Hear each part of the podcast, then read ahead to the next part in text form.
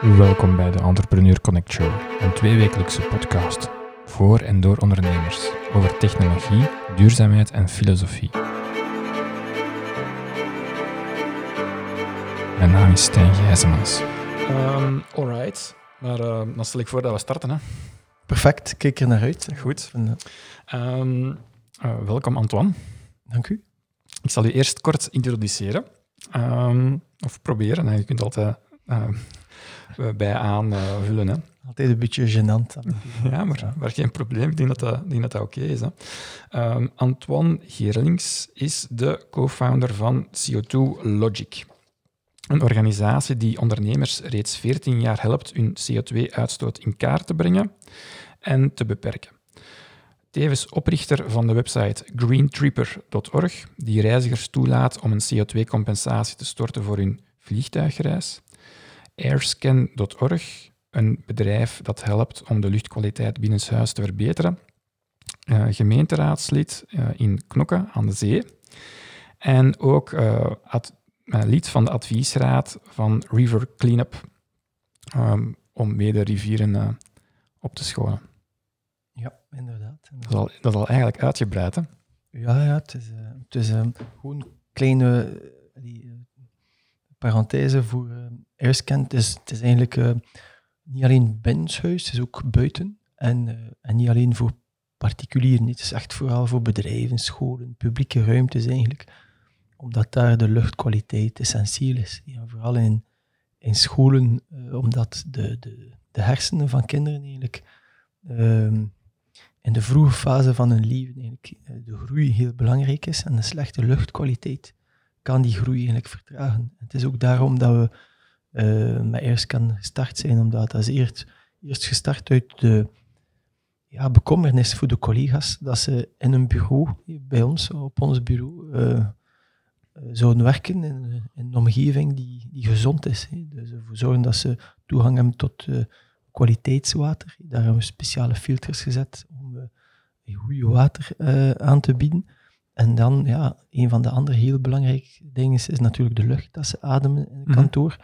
Uh, en dan natuurlijk de voeding. Uh, maar de voeding is heel afhankelijk van hun eigen keuzes. Daar wil ik natuurlijk geen impact of invloed op hebben. Uh, maar, maar lucht en water zijn twee essentiële zaken. En uit die bekommernis eigenlijk eerst geboren door te zeggen van oké, okay, hoe goed of hoe slecht is de luchtkwaliteit in ons bureau. En, en ik heb opzoeking gedaan om goed materiaal te vinden. Uh, uitstekende meetapparatuur in Frankrijk. Uh, we hebben dat dan begonnen, we hebben dat gebruikt voor op ons bureau. En dan de, de bedenking gedaan, zoals dat vroeger voor klimaat, uh, toen dat ik CO2 Logic opgericht heb, was ja, eigenlijk gaan andere mensen daar ook willen weten welke lucht dat ze inademen.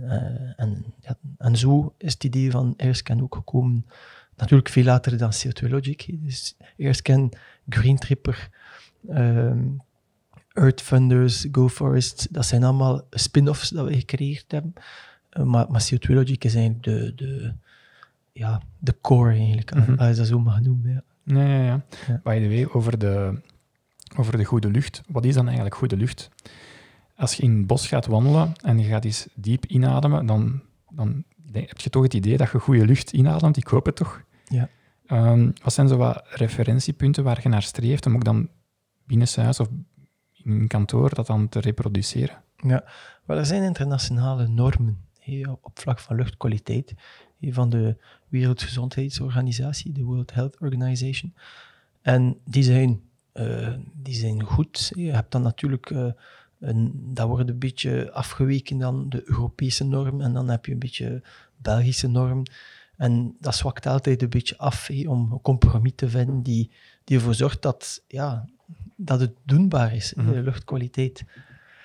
Ja, onze luchtkwaliteit is niet uitstekend. Op sommige vlakken is het natuurlijk verbeterd en op andere vlakken is het niet verbeterd. En, en wij proberen ervoor te zorgen dat de, de, allee, dat de luchtkwaliteit onder die normen moet zijn van de Wereldgezondheidsorganisatie en niet lobby of uh, politieke norm. We moeten echt denken, de mens is dat centraal. Natuurlijk, we zijn rationeel ook en we beseffen dat sommige normen niet in één dag zo, zo veranderd kunnen worden. maar we moeten daar naartoe streven. En je kan dat pas doen als je weet waar dat je staat. Meten is weten, zowel voor luchtkwaliteit als voor CO2. En we hebben eigenlijk dezelfde filosofie dat we gebruiken voor het klimaat, met CO2 Logic, waar dat we duidelijk zeggen, kijk, uh, eerst moet je weten hoeveel dat je uitstoot en van waar dat je belangrijkste CO2-uitstootbron vandaan komt. Dat is meten. En pas daarna kan je echt prioriteiten leggen op vlak van reducties. Want als je niet weet van waar dat de grootste CO2-uitstoot mhm. komt en waar dat het interessantst is om te gaan verminderen, en ook waar dat je het gemakkelijkst kan verminderen, ja, dan kan je niet efficiënt te werk gaan. En wij zorgen ervoor dat mensen die duidelijke zicht hebben, een soort uh, control room, dashboard, is zoals een piloot. Een piloot heeft dat zo allerlei uh, ja, meetapparatuur in zijn vliegtuig. En, en, in een bedrijf en voor het klimaat moet je juist hetzelfde hebben. En voor luchtkwaliteit ook. Je moet weten waar dat staat, zodat je dan de nodige acties kan nemen uh, en prioriteit stellen om zo vlug mogelijk, zoveel mogelijk positief impact te hebben.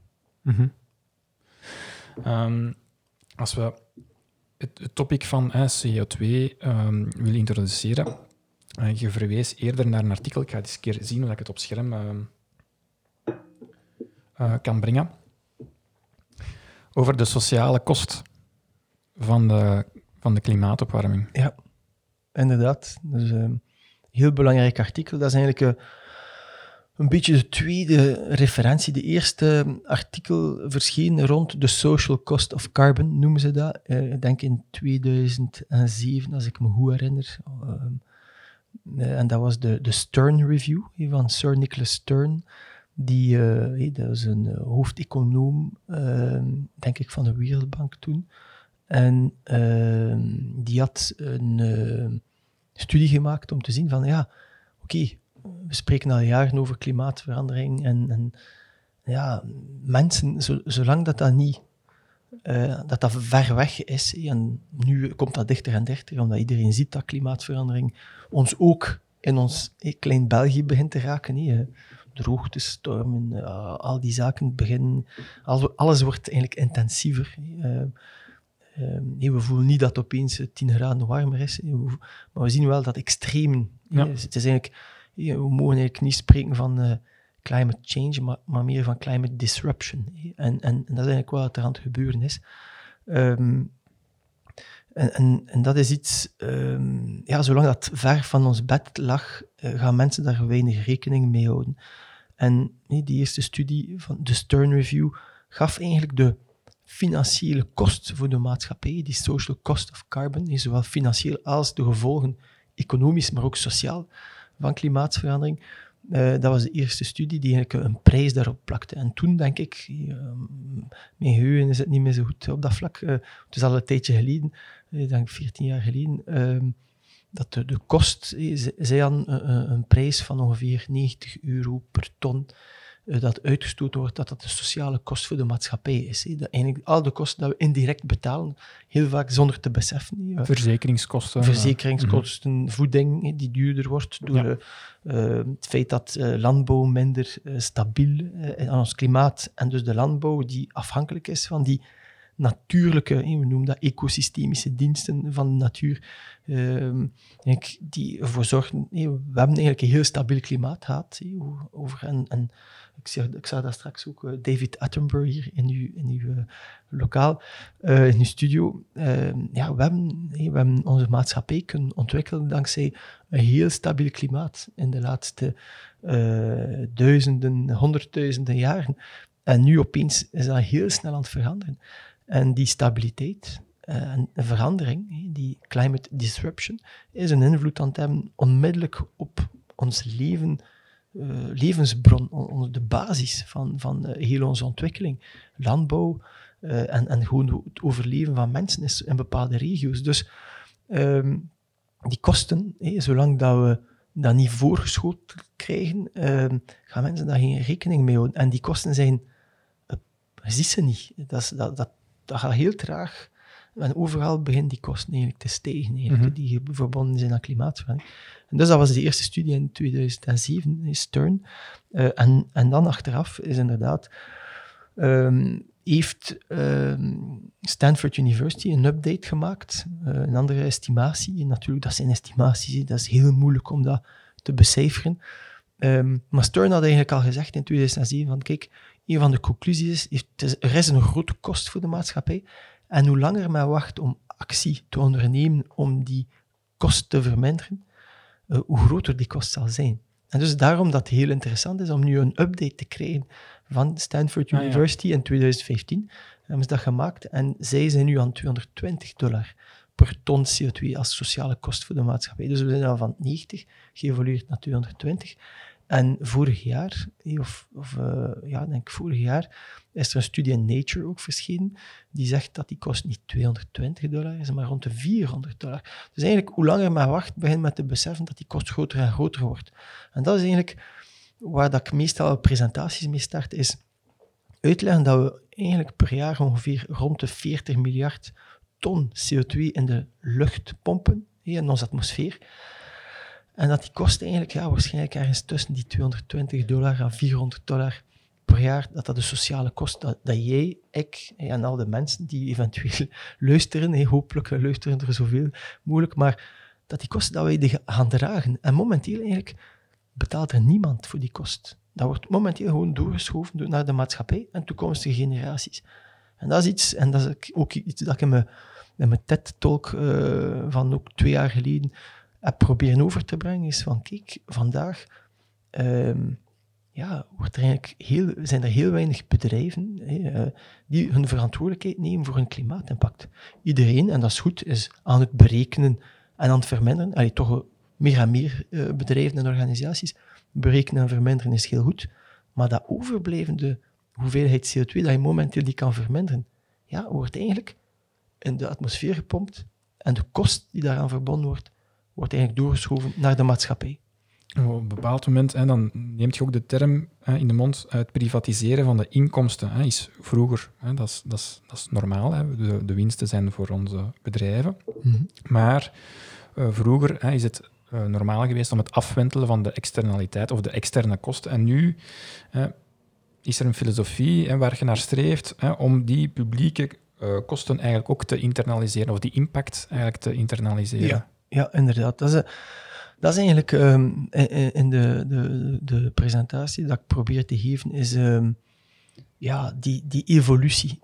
We hebben tot nu toe geleefd in een maatschappij waar dat we de winsten privatiseren, wat dat oké is. Je neemt risico's uh, financiële risico's. Als je onderneemt, uh, je creëert jobs, je creëert ontwikkeling, misschien um, verbetering op maatschappelijk vlak. Dus, dus dat zijn allemaal positieve zaken. En dus als je winst maakt, is het normaal om dat te privatiseren en dus die inkomsten terug te krijgen. Maar we hebben dat tot nu toe altijd gedaan door de winst te privatiseren, maar de impacten die verbonden waren aan, het, mm -hmm. aan die winsten eigenlijk, door te schuiven naar de maatschappij. En, en, voor mij, en, en, de mensen met wie dat, dat wij werken, uh, hier de team uh, bij CO2 Logic, uh, is, ja, dat is niet oké. Okay. Winst privatiseren, maar impacten publiek maken. It's, it's not oké. Okay. En dus, waar dat wij naar streven, en in samenwerking met alle bedrijven met wie dat we werken, is te kijken van, oké, geen probleem winst te privatiseren, maar privatiseert ook de impacten. En, en, en dat is eigenlijk ook wat we gecreëerd hebben met CO2 Logic eigenlijk sinds 2007, is een CO2-neutraal label kregen. Dat wil zeggen dat een bedrijf haar CO2-uitstoot berekent, vermindert, en wat het niet kan verminderen, compenseert door de verantwoordelijkheid te nemen voor die overblijvende CO2-uitstoot en die te compenseren met klimaatprojecten die zonder hun bijdrage niet zouden gebeuren. Om dat ergens anders dan wel te kunnen verminderen. Wat dat hier niet kan verminderen, dat je vermindert ergens anders. Om zo een klimaatneutraliteit, CO2-neutraliteit te kunnen aanbieden. En dat is eigenlijk het privatiseren van de impacten. En ik ben overtuigd dat we naar zo'n maatschappij evolueren. Vooral omdat we, we zijn ongeveer rond de 7,5 miljard mensen op ons planeet vandaag. Sommigen zeggen dat we tegen 2050 uh, misschien 10 miljard gaan zijn. Ik heb geen kristallenbol en ik geloof niet in, in van die projecties op 30 jaar, omdat er zoveel zaken dat beïnvloeden. Maar hoe meer dat we zullen zijn, hoe moeilijker dat gaat zijn om jouw impacten door te schuiven naar iemand anders. Het is eigenlijk, ik gebruik graag die, die, die, uh, dat voorbeeld van eigenlijk wat wij vandaag doen op klimaatvlak, nee, als wij CO2 uitstoten, maar de verantwoordelijkheid niet nemen voor die CO2-uitstoot, is het is zo dat je je vuilnis neemt en gewoon bij de buur kept. En dan dat terugplaatst en doet alsof dat... Ik heb wel een beetje geprobeerd om te verminderen, maar ik heb nog altijd mijn rest bij de anderen. En dat is niet oké. Eh, en, en dus we gaan echt naar zo'n maatschappij gaan. Vooral als we met meer en meer zijn, ja, dat we meer en meer op elkaar zijn. We gaan meer en meer uh, allez, toch impacten hebben op korte termijn. En hopelijk gaat dat heel snel verminderen, want we kunnen niet anders. Hè. en, uh, ja, die, die, we moeten onze CO2 zwaar verminderen tegen 2050. Hopelijk veel vroeger natuurlijk. Maar we kunnen niet anders. Dus, uh, dus ik geloof echt dat we naar zo'n maatschappij gaan evolueren. Dat elke impact eigenlijk geprivatiseerd gaat worden.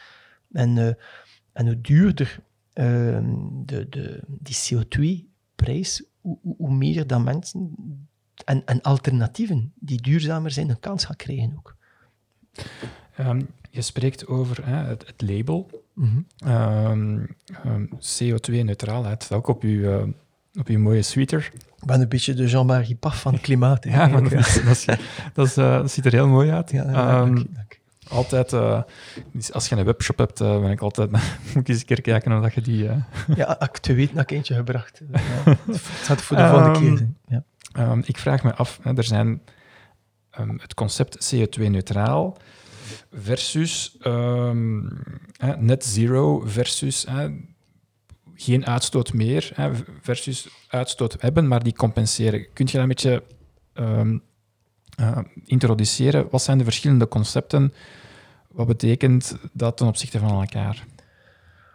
Ja, um, wel, al die concepten, uiteindelijk de bedoeling is om naar nul CO2 te gaan. Uh, ik denk dat dat het belangrijkste is. Uh, je hebt veel mensen die, uh, en organisaties die een beetje laat op de kar springen nu van klimaatactie en dergelijke.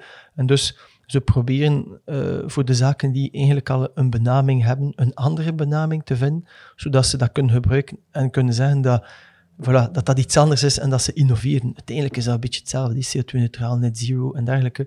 Um, maar, maar er is wel um, een element, allee, het, het concept van CO2-neutraliteit, klimaatneutraliteit, is eigenlijk het feit dat je als je een bepaalde hoeveelheid CO2 doet, is dat je ergens anders dezelfde hoeveelheid eigenlijk gaat verminderen. Gaan financieren dat, die, dat er een vermindering... Als je 100 ton CO2 doet, hey, om een fictief voorbeeld te geven, wij gaan bijvoorbeeld helpen om een bedrijf uh, zijn CO2-uitstoot met 50% te verminderen. En ze gaan van 100 naar 50. Mm -hmm. Die 50 dat ze hier niet kunnen verminderen, kunnen ze ergens anders gaan verminderen door dat te financieren. En uh, je moet natuurlijk aantonen dat het additioneel is, hè, omdat dat CO2-rechten, je kan eigenlijk pas CO2-rechten krijgen uit een klimaatproject als je aantoont dat het zonder de financiering, CO2-compensatiefinanciering, niet zou gebeuren, ja, dan heb je geen verschil gemaakt. Hè. Dus het moet echt zijn iets die niet zou gebeuren zonder uw bijdrage. Het moet permanent zijn ook. Het moet een reductie zijn die permanent is. Het moet ook geen problemen verplaatsen. Hè. We noemen dat no leakage of benefits. Is dat je als je bijvoorbeeld een bos beschermt op een bepaalde plaats, maar dat de mensen, de lokale mensen, dat hout nodig hebben om te koken, maar als je dat beschermt, gaan ze misschien gewoon ernaast gaan kappen. Dus je hebt het probleem gewoon verplaatst. Dus dat zijn allemaal kwaliteitscriteria waaraan een gecertificeerd klimaatproject moet beantwoorden om te kunnen gelden als CO2-compensatie, als een erkende CO2-compensatie die dan ook traceerbaar is. Dat je kan zeggen van kijk, zoveel ton komen uit dat project. En als iemand zegt, ik wil 50 ton van mijn CO2 die overblijft compenseren, dan kun je dat matchen en kun je die 50 ton annuleren, dat dat niet opnieuw gebruikt wordt. Mm want dat is ook de risico vaak. Sommige mensen zeggen, ja, maar uh, we hebben een boom geplant in dat land daar, maar als er geen controle is, misschien wordt aan iemand anders dezelfde bos verkocht en dergelijke. En om te voorkomen dat er, zoals in het verleden geweest is, rond uh, CO2, er is fraude geweest, er, is, er zijn van, alles, van allerlei dingen gebeurd, in, in, nieuwe sectoren en dergelijke, die ervoor zorgen dat je natuurlijk het risico neemt dat, dat credibiliteit aangetast wordt en dan iedereen wordt over dezelfde boord geschoven. Um, dus we moeten allerlei richtlijnen, standaarden, certificaties, controleorganismen integreren om ervoor te zorgen dat het credibel is om dan ook werkelijk een impact te hebben. Want als je dezelfde bos aan twee uh, bedrijven verkoopt, ze gaan alle twee 50 ton reductieclaim, maar ze hebben maar één keer 50 ton verminderd. Dus, Dus vandaar dat het essentieel is dat alles correct en, en, uh, en traceerbaar is en transparant. Nog eventjes terugkomen op, op die, die terminologie, omdat Ja. dat het toch allee, qua introductie denk ik belangrijk is eh, eh, voor ons, voor, voor het goed te begrijpen.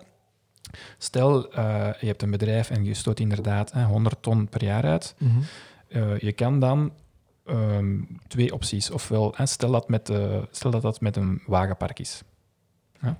Dan heb je twee opties. Ofwel zeg je, ehm, ik ga die niet meer uitstoten en we gaan dat eh, eh, vervangen door elektrische wagens. Mhm. Natuurlijk is er de connotatie dat die elektriciteit nog moet worden opgewekt. Hè? Maar Mhm. als we een simpel voorbeeld zouden hebben, je gaat naar nul gaan. Of we zeggen, voor die brandstof dat we dan aankopen voor onze eh, diesel, kopen we certificaten. Dat is in de, de harten van de mensen Mhm. toch een serieus verschil. Ja. Want dat is, één, hè, één topic.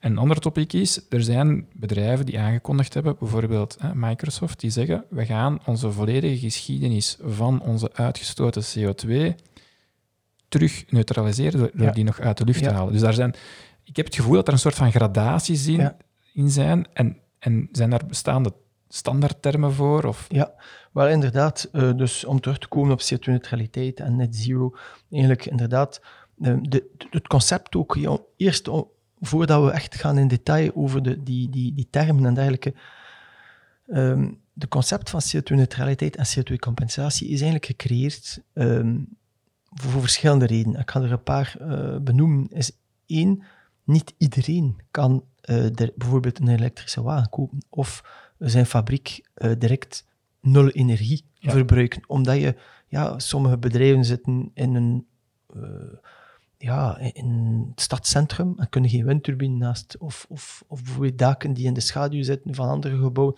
waardoor dat je, dat je niet je eigen energie kan produceren, of dat ze in een gebouw zitten dat ze huren, eh, en dat ze dus ook niet weinig aan kunnen doen eh, om de energieverbruik, allee, of minder kunnen dan doen om de energieverbruik nog naar beneden te krijgen.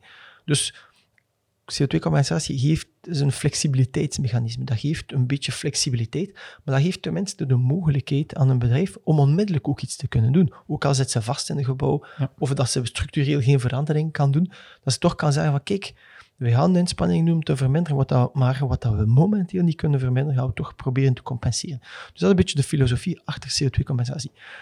En het andere grote impact, een positieve impact van compensatie, is dat, dat het eigenlijk een soort Noord-Zuid eh, is die ervoor zorgt dat wij, de ontwikkelde landen, eigenlijk zijn verantwoordelijk voor klimaatverandering en de, de on- ontwikkelingslanden die nog moeten groeien en waar dat de bevolking aan het boomen is, ehm, en dat zij daar nog dan, momenteel vooral fossiele brandstoffen gebruiken, is ervoor zorgen dat ze zo snel mogelijk de overgang doen. Dus dat wij hier eigenlijk met wat dat we niet kunnen verminderen, eigenlijk financieel bijdragen om daar de, de verandering eigenlijk te versnellen.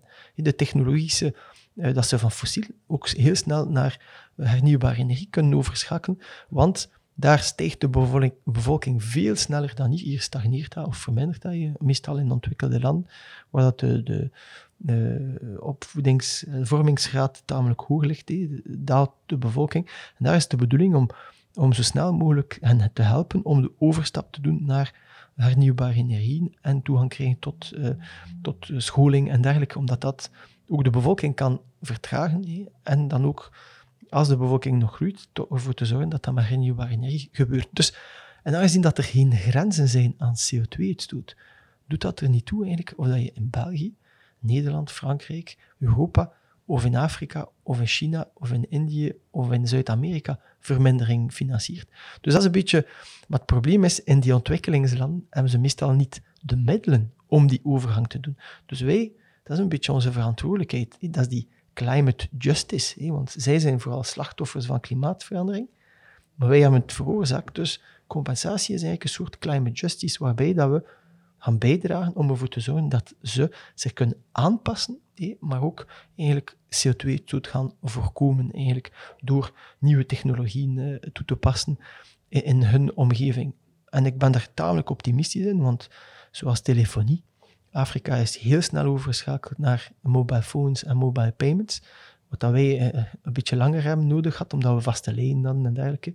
Daar hebben ze ook geen gasnetwerken in eh, rural Afrika. Dus, eh, ehm, dus die overgang naar gedecentraliseerde energieproductie kan heel snel gebeuren. Als we aan een bepaalde prijs per kilowattuur gaan komen, kan het heel snel gaan. Dus ik, ik ben hoopvol, maar we moeten ze zo snel mogelijk helpen voordat ze vastzitten in fossiele energiesystemen, eigenlijk, zoals, mhm. zoals dat wij hier zitten. Want ene keer dat je erin zit, is het moeilijk. Ah ja, maar ja, we moeten dat nog afschrijven en al die dingen. Ja, inderdaad, maar dat is... Uh, ja. En dan de initiatieven van de bedrijven die zeggen: ik wil de, de uitstoot van, van het verleden ook er terug uithalen.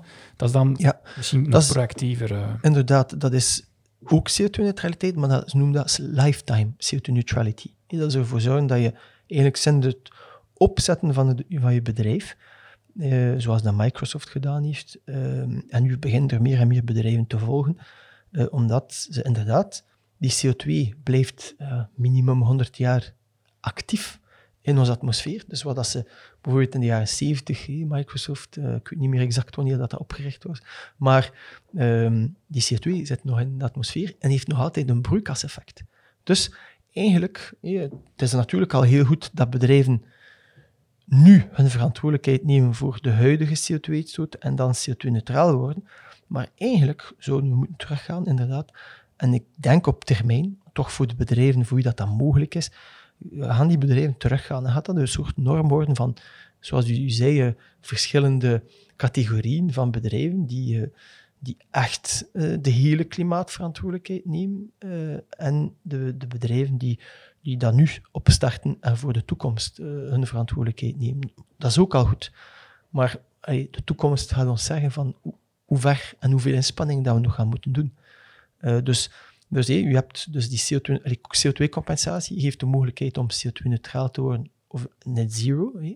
Um, dan ook in die categorie uh, zijn er twee mogelijkheden om te compenseren. Je kan CO2 compenseren door CO2-uitstoot te voorkomen, zoals bijvoorbeeld een bos te beschermen uh, in een regio waar dat er een grote ontbossingsgraad is, conservation. Dus ervoor zorgen, voorkomen dat er ontbossing komt, komt en dat de hout niet verbrand wordt en dus CO2 uh, mhm. eh, lost in de, onze atmosfeer. Dat is CO2-uitstoot te voorkomen. Um, dat zijn bijvoorbeeld de projecten dat wij eh, steunen, uh, zoals de efficient cookstoves. Dat zijn efficiënte oventjes die 50% minder hout uh, verbruiken dan wat ze normaal doen. wij gaan dat verdelen en het verschil in CO2 gaan wij gaan valoriseren in CO2-rechten. Dus dat voorkomt CO2-uitstoot in de atmosfeer, maar we verbeteren ook de levenscondities van mensen ter plaatse. De veel SDG's, dat, dat je je vecht tegen armoede, je, je hebt een positief impact uh, voor de gezondheid van de mensen, je creëert lokale jobs. Uh, climate action, SDG 13, omdat je CO2 vermindert. En dan Life on Land, dat is SDG 15, die ervoor zorgt dat je eigenlijk de... DG, dat zijn de, de... SDG's, de Sustainable Development Goals. Ja. Van, de, van de Verenigde Naties. Ja. Inderdaad. Uh, en dus met die klimaatprojecten heb je, heb je niet alleen een positief impact op klimaat, maar op allerlei andere zaken die ontwikkeling positief kunnen beïnvloeden. Ehm, en, en, biodiversiteit, want life on land, het voorkomen van ontbossing is ook heel belangrijk. We spreken nu constant over biodiversiteit de laatste jaren. Wel, ontbossing voorkomen is essentieel. En, en, het is dat uh, dat belangrijk is. Dus mensen moeten begrijpen dat we moeten zoveel mogelijk helpen om CO2 uitstoot te voorkomen, door bijvoorbeeld uh, ontbossing te voorkomen.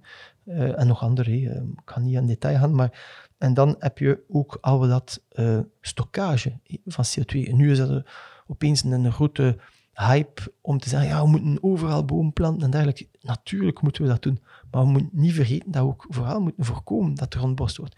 Want wat er gestockeerd is gedurende generaties, ehm, in die boom die daar al jaren staan, als dat gekapt wordt, komt dat in één keer vrij. Ja. Nou, we spreken over enorme kwantiteiten CO2. Wat er geplant gaat worden om CO2 te stockeren, gaat progressief groeien en progressief stockeren. Dus het is essentieel om de twee niet te zeggen, ah nee, maar we gaan alleen maar sequestration doen, het stockeren van CO2.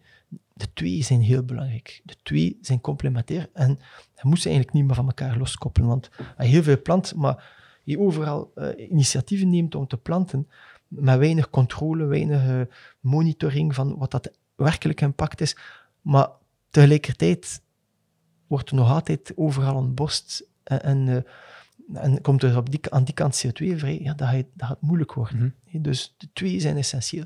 En we moeten eigenlijk pas echt beginnen planten. Nou, we, allee, we kunnen de twee in parallel doen, maar als we de ontbossing en, en, en het releasen van carbon in onze atmosfeer eigenlijk kunnen voorkomen. Eigenlijk, ja. Nu, um, moeten we eens even uh, over, over uw bedrijf uh, starten. Hè? Um, CO2 Logic. Um, ik zou graag met behulp van een klein voorbeeldje, en ik ga ook even jullie website erbij nemen, om, om, om de aanpak te illustreren. Mooie website. Ongelooflijk. nee, gaat binnenkort vernieuwd worden, denk ik. Ja. Als we een voorbeeld nemen, ik zeg maar iets, een superette. Uh, mm -hmm. Jullie als uh, CO2 Logic geven bijvoorbeeld die superette advies. En wat zijn eigenlijk de stappen dat ik bijvoorbeeld als uh, shop-eigenaar um, zal doorlopen uh, als ik met jullie in zee ga? Mm -hmm. Maar inderdaad, Ali, dus, we werken voor grote superettes en ook kleine superettes. De lijst is bijvoorbeeld. En heel concreet, wat doen wij?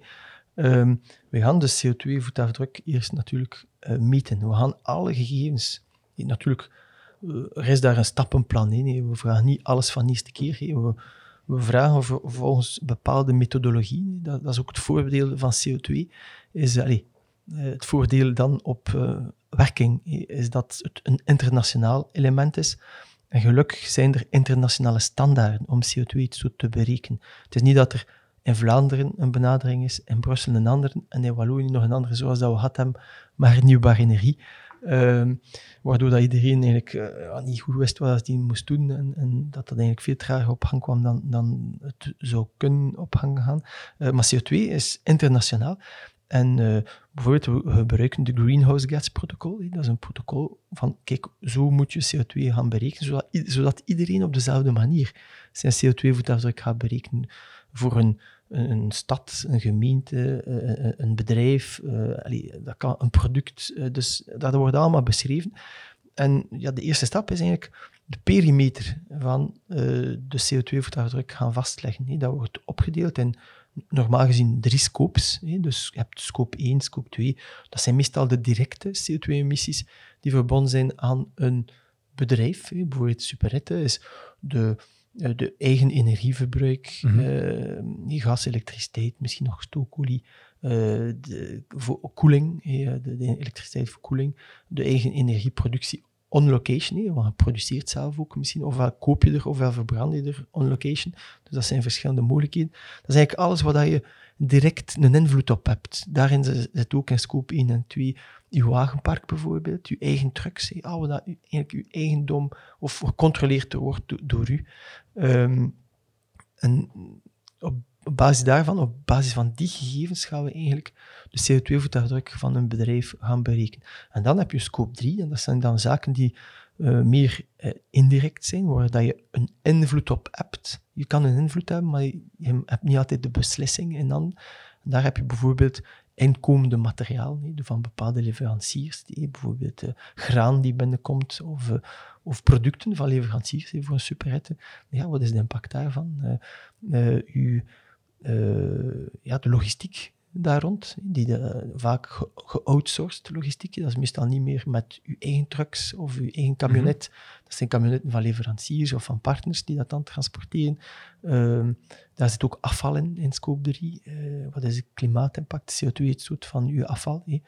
Um, uh, uw kantine, de voeding dat u zelf verbruikt voor uw bedrijf, de, de collega's die samen eten in de kantine bijvoorbeeld. Allee, dus je hebt enorm veel posten daarin. En dat is misschien al een beetje te veel in detail, maar al die verschillende CO2-uitstootbronnen uh, die gecategoriseerd worden, worden omgezet in CO2-equivalenten in functie van de global warming potential. Dus dat is de, het broeikaseffect eigenlijk. Want een kilowatt elektriciteit of een kilowatt gas, dat vergelijken, dat is moeilijk. Allee, mm -hmm. hoeveel, een liter benzine, een liter diesel, uh, een ton afval van, ik zeg maar iets, papier. Hoe, hoe, ga je dat dan maar vergelijken? Wel, elk heeft een emissiefactor, een CO2-equivalent in functie van bepaalde kilo's of volumes en dergelijke. En zo wordt dat in CO2-equivalent omgezet, waardoor dat al die zaken die normaal gezien niet vergelijkbaar zijn, worden opeens vergelijkbaar in functie van het impact dat ze hebben op klimaat. En dat maakt het zo interessant dat je opeens die dashboard hebt, zoals ik dat straks zei, van meten is weten, dat je weet van, oké, wat, heeft het grootste impact op klimaat?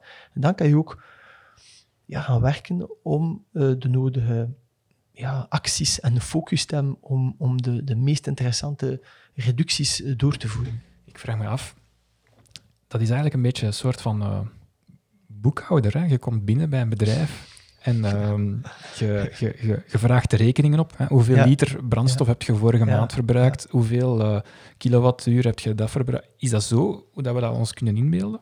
Ja, het is een soort... Uh, ik weet niet of dat mijn collega's zo blij gaan zijn met, met, met die vergelijking. De, de, boekhouders van klimaat. Um, misschien een, een, meer sexy metafoor gebruiken. Ja, ja, ja misschien... Uh, ja, ja. Wij, wij, wij, hebben eigenlijk ja, nog, nog geen echt goede naam daarvoor gevonden, maar... Um, inderdaad, maar misschien zijn we. Oh, we, hebben, we hebben een heel duidelijke visie. misschien allee, niks tegen boekhouders natuurlijk, maar we hebben een visie om echt dat te gaan verminderen. We hebben een heel duidelijke visie, is de klimaatverandering aanpakken en de socio-economische gevolgen ervan. Dus dat is eigenlijk wat dat, dat is onze visie. Ja. Eh, fight climate change and the social, socio-economic uh, consequences. dus dat is, dat is onze visie. Uh, dat is heel breed natuurlijk. En dan hebben we natuurlijk, zoals alle bedrijven, een missie waarbij dat we zeggen, kijk, we gaan uh, bedrijven helpen om hun klimaatimpact te verminderen en hen ook duurzamer te maken en dus ook meer resilient eigenlijk. Dus um, dat zijn de zaken dat wij proberen te doen. Het is niet dat we gewoon uh, zeggen, kijk, dat is de situatie, je hebt zoveel winst, zoveel verlies. Uh, nee, we gaan, wij gaan direct zeggen, kijk, dat is uw situatie, dat is uw PNL een beetje. En als je dat, dat, dat en dat doet, en we gaan je nu helpen om dat te doen, en we gaan dat ook simuleren, ga je met zoveel procent CO2 kunnen verminderen en ga je zoveel besparen. Dus we gaan het is een beetje meer dan, het is meer, wij zijn meer klimaatcoaches misschien. Ja. Uh, denk dat dat misschien beter is. Uh, waarbij dat we echt bedrijven samen gaan werken met bedrijven om ze te brengen naar ja, het, het potentieel en, en de, de, het, ja, het voorbeeldfunctie. We, we, proberen ze te inspireren om, om, ja, naar die klimaat CO2-neutraliteit te gaan. Want ik kan me toch inbeelden dat er een zekere complexiteit in zit. Hè. In het geval van een uh, supermarkt of superette bent je verantwoordelijk, hè, zoals dat je zelf aangeeft, van je leveranciers, die al dan niet uh, rijden op uh, benzine of, of niet. En je hebt daar ook moeilijk inzichten in. En daarmee, als je dan analogie maakt met boekhouding en bijvoorbeeld BTW, belasting op toegevoegde waarde, Ehm, stel dat er een soort van uh, belasting op toegevoegde CO2-boekhouding verplicht wordt, dan kun hmm. je aan de leveranciers opvragen hoeveel CO2 dat zij hebben gebruikt, verbruikt om uw product of dienst aan te leveren, zodat je die dan zelf in je eigen CO2-boekhouding zou kunnen, kunnen, kunnen ingeven. Hoe meten jullie eigenlijk de, de CO2-uitstoot of, of, of, of, die parameter dat jullie dan gebruiken van de leveranciers van jullie klanten? Wel, dat is eigenlijk meestal de, de, de volgende stap. Hè. Dus als we scope 1 en scope 2 gedaan hebben, de directe CO2-emissies, dat u zelf kan controleren, uh, gaan we natuurlijk ook kijken naar scope 3. Hè. Meestal, bij de meeste bedrijven doen we 1, 2, 3 uh, direct, maar nog tamelijk beperkt om, we leren ze eerst samen uh, wandelen en dan gaan we lopen. Ja. Dus we moeten ook niet proberen vooruit te lopen, want we merken dat als er te veel in één keer moet gebeuren, dan creëert dat een soort uh, immobilisme, omdat dat, iedereen zegt van oh, dat is veel te veel en ze hebben natuurlijk ook hun eigen job dat ze dagelijks moeten doen, dus vaak wordt dat erbij genomen. Klimaat is natuurlijk heel belangrijk, maar ze willen ook hun day-to-day kunnen doen en we proberen dat progressief op te bouwen, dat dat, dat draagbaar is. Um, en dan in die scope 3 inderdaad, uh, zijn heel veel bedrijven, zoals een Superhit, heel sterk afhankelijk. Hun CO2-voetafdruk is afhankelijk van de CO2-voetafdruk van de leveranciers.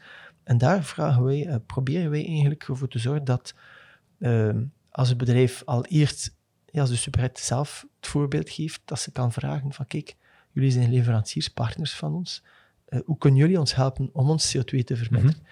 En dan krijg je natuurlijk een dialoog en ook natuurlijk een een positief sneeuwbaleffect, omdat je dan ja, je wordt eigenlijk niet gewoon leverancier, maar je wordt partners om CO2-uitstoot te verminderen. En die partnerships zijn zo belangrijk. Ehm, en, we zien, uh, want vaak weten ze ook van elkaar van, wat kan je verminderen? Ah, ik heb dat gemerkt, gemerkt omdat ze, ze werken samen. En dus uh, ze zien vaak ook wat er beter kan, of die beter aangepast is. En dus door die dialogen op te starten met leveranciers, um, en ze een beetje te challengen, um, en hoe meer dat ze gechallenged worden, worden vooral de grote, hier, vandaag heel, een paar heel grote bedrijven leveren eigenlijk bijna alle producten. Hier. Er bestaan daar een paar grafieken van. Uh, als je die bedrijven eigenlijk gaat challengen, ja, dan hebben ze heel vaak oplossingen en die oplossingen kunnen een enorm impact, positief impact hebben. Dus uh, dat is heel interessant om met die leveranciers samen te werken. En, en, ja, als we zien hoe snel dat er zaken kunnen veranderen als je mensen, als je die partnerships progressief opbouwt, ja, dan, dan ben ik uh, optimistisch op, op, dat vlak toch. Want in een zekere zin, hè, uh, je spreekt daarover een sneeuwbaleffect. Mm -hmm. Ja, dat kan inderdaad wel relatief snel en exponentieel groeien als je als leverancier van je eigen klanten vaak die vraag gaat beginnen krijgen. Mm -hmm. uh, en waarbij misschien de leverancier onder druk wordt geplaatst om hè, een bepaald niveau van CO2-neutraliteitslabel te hebben, of anders hè, wordt je uitgesloten, dan kan mm -hmm. het relatief, relatief snel gaan. Dat kan heel snel gaan. En, en um, eigenlijk onze label is een soort vrijwillige CO2-bijdrage. Dat ze, hier, dat ze leveren in functie van hun klimaatimpact. Um, hoe, hoe, duurzamer je bedrijf, hoe gemakkelijker dat je CO2-neutraal kan worden. Dus hoe lager je klimaatimpact, je CO2-uitstoot, hoe toegankelijker dat CO2-neutraliteit wordt.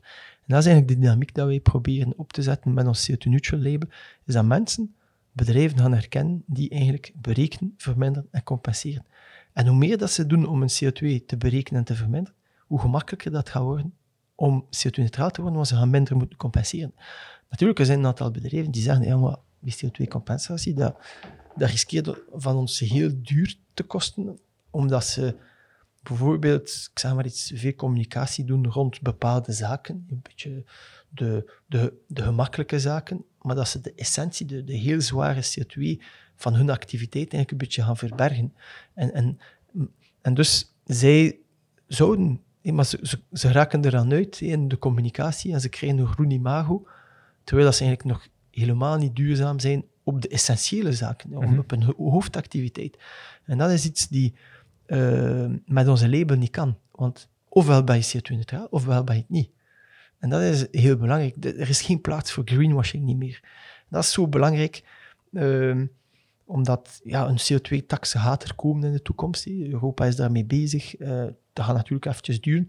Maar nu dat Amerika opnieuw in het klimaatakkoord gaat stappen, en als Europa en Amerika samen uh, gaan werken om te zeggen van kijk, we gaan een uniforme CO2-markt creëren, waarbij dat, we gaan dezelfde regels hanteren op klimaatvlak, omdat wij toch samen uh, bijna de, de Amerika uh, en Europa samen zeker de grootste CO2-uitstoter is, en daarna China. Maar, als je een level playing field kan creëren, dan kan je eigenlijk wel alles uh, doen veranderen en heel snel als het nodig is. En tot nu toe het probleem met Trump was dat Europa apart was, Amerika was apart uh, en iedereen deed zijn ding opnieuw uh, onder Trump. hebben we eigenlijk geen of weinig vooruitgang geboekt. terwijl dat China klaar is om te, te spreken. natuurlijk, China moet nog veel doen. Hè. Hij heeft enorm veel CO2-uitstoot. Ehm, het is ook een beetje de fabriek van de wereld. Maar per capita stoten ze nog altijd minder CO2 uit dan België. Mm -hmm. dus, dus dat is ook wel belangrijk om die dingen niet te vergeten. Iedereen, we horen dat af en toe in debatten, politieke debatten. In België en in Vlaanderen, waar gezegd wordt, ja, ja, maar het eerst naar China om CO2 te verminderen. Ja, maar met die mentaliteit houden we niet gaan. We moeten allemaal onze verantwoordelijkheid nemen en zeggen, oké, okay, per capita, hoeveel CO2 stoten wij? We stoten nog altijd meer uit dan China. Dus we moeten aan tafel met die mensen. En, en, zij zijn de toekomst om CO2 ook naar beneden te brengen. Dus we moeten samenwerken. Mm -hmm. Anders gaat het niet lukken. En die level playing field is essentieel om ervoor te zorgen dat voor iedereen dezelfde regels gehanteerd worden. Nee, dat, is, dat, klinkt een beetje naïef en ideologisch, maar we gaan naar, de, naar, naar daar. Kunnen we daar zelfs nog eens even op terugkomen, want er nog andere allee, uh, wetgevingen en, en het akkoord van Parijs en zo verder en wel belangrijk zijn. Um, als we teruggaan naar ons voorbeeld, je hebt dan je tweede fase, nadat je het hebt ja. gemeten, reduceren. En ik heb daar een voorbeeld van. Ehm, de klimaatprojecten. Mm. Hoe dat je dan eigenlijk helpt. En dat is uh, bijvoorbeeld.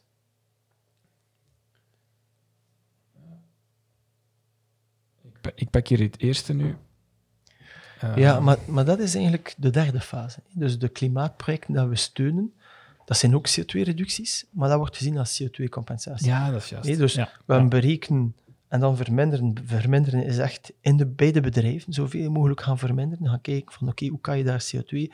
En door die cijfers zie je heel vaak, wat, als er iets niet klopt, als een superhit uh, bijvoorbeeld 100 vierkante meter heeft, ik ben nu cijfers aan het uitvinden, en een andere heeft ook een, equivalent, uh, een equivalente grootte, maar verbruikt twee keer meer, ja, dan kan je eigenlijk gaan, gaan benchmarken en controleren van, ja, maar er klopt hier iets niet. Ehm, en, door die objectieve meting te doen, en niet alleen voor de energieverbruik, maar ook voor alle andere CO2-uitstootbronnen, op afval, op logistiek vlak, logistiek vlak tonkilometer die getransporteerd wordt, ehm, op afval de, de ton ook, of de volumes, de kubus van bepaalde materialen. Uh, als al die dingen eigenlijk vergeleken, worden, kunnen we eigenlijk gaan zien wat er, de, de posten of de locaties die het minder goed doen. En dan kun je eigenlijk gaan focussen op de plaatsen die eigenlijk uh, achterbleven of minder goed doen. En, en, en, zo kan je eigenlijk de, de, de, de dingen die uitsteken eigenlijk snel gaan, gaan, gaan verminderen. Hè. En dus dat is de tweede fase. En inderdaad, dan heb je die derde fase, die klimaatprojecten in ontwikkelingslanden. Uh, ja, daar is het ook, is ook reductie, maar in ontwikkelingslanden, die, die eigenlijk gefinancierd worden door onze klanten, onze partners met wie dat wij werken. Mhm. Want inderdaad, in die, in, die, in die tweede stap, de eliminatie, dat is, hè, we hebben bijvoorbeeld een, een dashboard gemaakt, een scan, mhm. een, een cockpit van 100 ton CO2. Hè, een soort van foto dat we hebben genomen in die eerste stap. En in die tweede stap gaat je dan kijken naar de verschillende posten van die 100 mhm. uh, eh, ton CO2. Welke zijn de belangrijkste posten en waar kan het bedrijf zelf, door bijvoorbeeld het aanschaf van groene energie, door het plaatsen van een windmolen, Mhm. aantal acties nemen. Gedrag, uh, know-how, uh, efficiëntie, uh, allerlei zo'n zaken. Ja, Naast de hernieuwbare energie. Dus hebt, om te reduceren heb je verschillende mogelijkheden. Heel, heel vaak merken we dat als we een CO2-voetafdruk berekend hebben en dat intern delen met het bedrijf, dan wordt alles objectief. Facts and figures, mhm. geen bullshit niet meer. En, en als je dat presenteert intern, dan heb je heel vaak al mensen die zeggen, ah ja, maar zoveel, oh, ik had nooit gedacht. Maar ik weet hoe dat, dat waarschijnlijk komt. En opeens ga je uh, lichtjes doen branden. Allee, dan, dat is figuurlijk. Uh, maar dat mensen zien dan, opeens wordt dat... Het is alsof dat alles duidelijker en klaarder wordt. En, en dan kan je eigenlijk intern in een bedrijf mensen gaan activeren rond die problematiek. En dat kost vaak niks. Dus gewoon door gedrag en die know-how te delen, merk je eigenlijk dat je acties en vermindering kan veroorzaken die vaak niks kosten. Dat is het eerste. En daarna inderdaad kan je nog werken op efficiëntie, dat je gewoon meer doet met minder. En dan heb je hernieuwbare energie, die dan het overblijvende energie dat je eventueel nog verbruikt, eh, met uh, hernieuwbare energie gaan voeden, die, die gelijk is aan nul of bijna nul CO2. Dus dat is eigenlijk, uh, in het, na het berekenen, de, de, acties om te verminderen, kunnen heel vaak verschillende niveaus nemen, verschillende vormen hebben. Ehm, en dat is eigenlijk wat wij proberen te activeren binnen het bedrijf. Ja. Mhm. En dan inderdaad, de, de, de klimaatprojecten, dat is dan vaak in, in uh, bijvoorbeeld Afrika, dat je dan daarmee samenwerkt. Mhm. En één voorbeeld dat je dan uh, gebruikt is die, die, um, die, een soort van nieuwe stoof, mhm. waarbij ze hout kunnen op een meer efficiënte manier van kunnen verbranden. Ja, uh, we hebben verschillende. Wij, werken dus, uh, wij ontwikkelen samen met lokale NGO's klimaatprojecten. We doen dat nooit zelf. We zijn geen nieuwe kolonialisten. Nee, wij, wij willen echt uh, die mensen helpen om de transitie te doen uh, naar een duurzamere toekomst. Um, want dat is essentieel. En uh, die projecten kunnen verschillende vormen hebben. We hebben herbebossingsprojecten, we hebben conservation projecten en we hebben die efficiënte houtoventjes die de huidige manier van te koken eigenlijk efficiënter gaan maken. In het algemeen gaan we rond de 50% CO2-uitstoot verminderen door nieuwe oventjes te verdelen. Het is alsof je een inefficiënte kachel hebt thuis, je gasketel, en uh, dan een condensatieketel, of, of nog beter in de toekomst warmtepompen brengt. Uh, wij doen dat maar op uh, een meer basic schaal, toegankelijker, financieel toegankelijker voor de lo lokale bevolking. ze krijgen toegang tot die efficiëntere kacheltjes. Maar we verbinden daar ook af en toe, waar dat mogelijk is, bepaalde technologieën aan die interessant zijn. Dat, dat is een project in in Benin, ehm, waar dat we onder andere gefinancierd door eh, Proximus, ehm, die ervoor zorgt dat mensen, terwijl dat ze koken eigenlijk, gaan we een klein, kleine thermal electrical generator aan verbinden. dat is een soort kleine warmteschakelaar die kleine hoeveelheden energie die vergelijkbaar is aan USB. Waarbij dat ze, terwijl dat ze koken, als ze dat verbinden, we doen dat met een universiteit, uh, Trinity College in Dublin. Zij doen de research rond die, die technologie, die, die thermoelectrical generator. En we gaan eigenlijk kleine hoeveelheden energie produceren om uw gsm te laden, bijvoorbeeld, of, of uw ledlampjes. Dus waardoor, dat ze, waardoor dat je ook bijvoorbeeld petroleumlampjes kan vervangen. Um, en dat je eigenlijk geen dieselgenerator nodig hebt om je lokale elektriciteit te creëren voor telefoons opladen, lichten op te laden in een dorp en dergelijke. Dus dat zijn kleine zaken die Africa-proof zijn eigenlijk, die heel toegankelijk zijn, heel goedkoop. Ehm, en dat we dankzij uh, dus partnerships met bedrijven die CO2-neutraal zijn, zo'n zaken mogelijk maken. En dat is dus echt die transfer van Noord-Zuid, dat we toegang geven tot nieuwe technologieën, systeem, en vaak opstapsysteem, want een houtoventje op lange termijn, dat is niet de oplossing. Maar we maken het al veel efficiënter, waardoor dat ze geld sparen. Mm omdat als ze uh, ofwel moeten ze hout gaan kappen, ofwel kopen ze houtskolen op de markt. in Afrika is dat meestal zo. Bijna 3 miljard, rond de 3 miljard mensen kopen nog, uh, koken excuseer, nog dagelijks uh, met hout of houtskool. Bijna 3 miljard mensen. Dus als je dat weet, besef je dat dat nog altijd heel belangrijk is om mensen te helpen om bijvoorbeeld in één keer 50% minder hout of houtskool te, te verbranden. En dus de houtskool, als je dat moet kopen op de markt, als je dat met 50% vermindert, dan hebben ze ook meer middelen die mhm. overblijven, die ze dan misschien kunnen investeren op het moment dat zonnecellen toegankelijker worden, om dat te investeren in zonnecellen, om dan onafhankelijk te worden op energievlak. Dus, dus het is eigenlijk, het klimaat is heel sterk verbonden met ontwikkeling. Ja, en, uh, in het verleden heb ik daar bijvoorbeeld met de minister, ja, nu uh, onze eerste minister De Croo al over gesproken, van, en hij heeft dat goed begrepen, is dat ontwikkeling, samenwerking, eigenlijk, als we dat goed aanpakken, samen met klimaatopportuniteiten om CO2 te verminderen, dat, dat, eigenlijk, dat we enorm veel fantastische dingen kunnen realiseren in ontwikkelingsland. Dat ze ook niet meer puur afhankelijk worden van donaties en, dat ze daar wachten totdat er geld binnenkomt. Nee, dat we partners worden voor het klimaat en dat ontwikkelingsmiddelen gebruikt worden uh, om mensen te helpen daar ter plaatse, maar ook om een soort result-based finance eraan te gaan linken. Dus ervoor te zorgen dat ze de bossen beschermen, dat ze biodiversiteit beschermen, dat ze samen inkomsten uit genereren um, en daar ook CO2-rechten. En als ze dat blijven onderhouden en CO2-vermindering mogelijk maken, dat ze daar inkomsten, recurrente inkomsten uithalen. Dus je creëert eigenlijk een autonome uh, ontwikkelingssamenwerking waarbij dat lokale bevolking eigenlijk uh, ja, alles zelf en dan opnieuw neemt. En dat is heel belangrijk. Zolang dat wij dingen pushen en, en, onze eigen manier van functioneren we proberen te duwen, daar gaat dat niet lukken. Ze moeten eigenlijk hun, hun plaats en weg vinden door zich aan te passen uh, met inderdaad in het begin middelen van ons, maar hun eigen systeem creëren. Eigenlijk. En is CO2 Logic, zijn jullie dan voornamelijk gespecialiseerd in die klimaatprojecten in het zuiden? Uh, van, van de wereld? Of zijn jullie ook soms, werken jullie met, met de huidige klanten om een nieuw bos te planten in België? Of wel, is dat moeilijker? Nou wel, um, de, de, klimaatprojecten die wij ontwikkelen in ontwikkelingslanden eh, passen in een heel duidelijk kader. Dat noemt de Clean Development Mechanisme. Dat is eigenlijk wat rond het Kyoto-protocol gecreëerd is uh, om CO2-reducties correct te gaan valoriseren en dergelijke. Natuurlijk, dat systeem is ondertussen geëvolueerd. Dat, staat niet stil. Het is een hele jonge sector, maar die heel snel aan het evolueren is. En uh, er zijn alternatieven gecreëerd die meer rekening houden. In het begin werd er puur gefocust naar CO2. CO2-reducties creëren, dat was de essentie. Maar vaak ten koste van de lokale mensen, culturen uh, en dergelijke.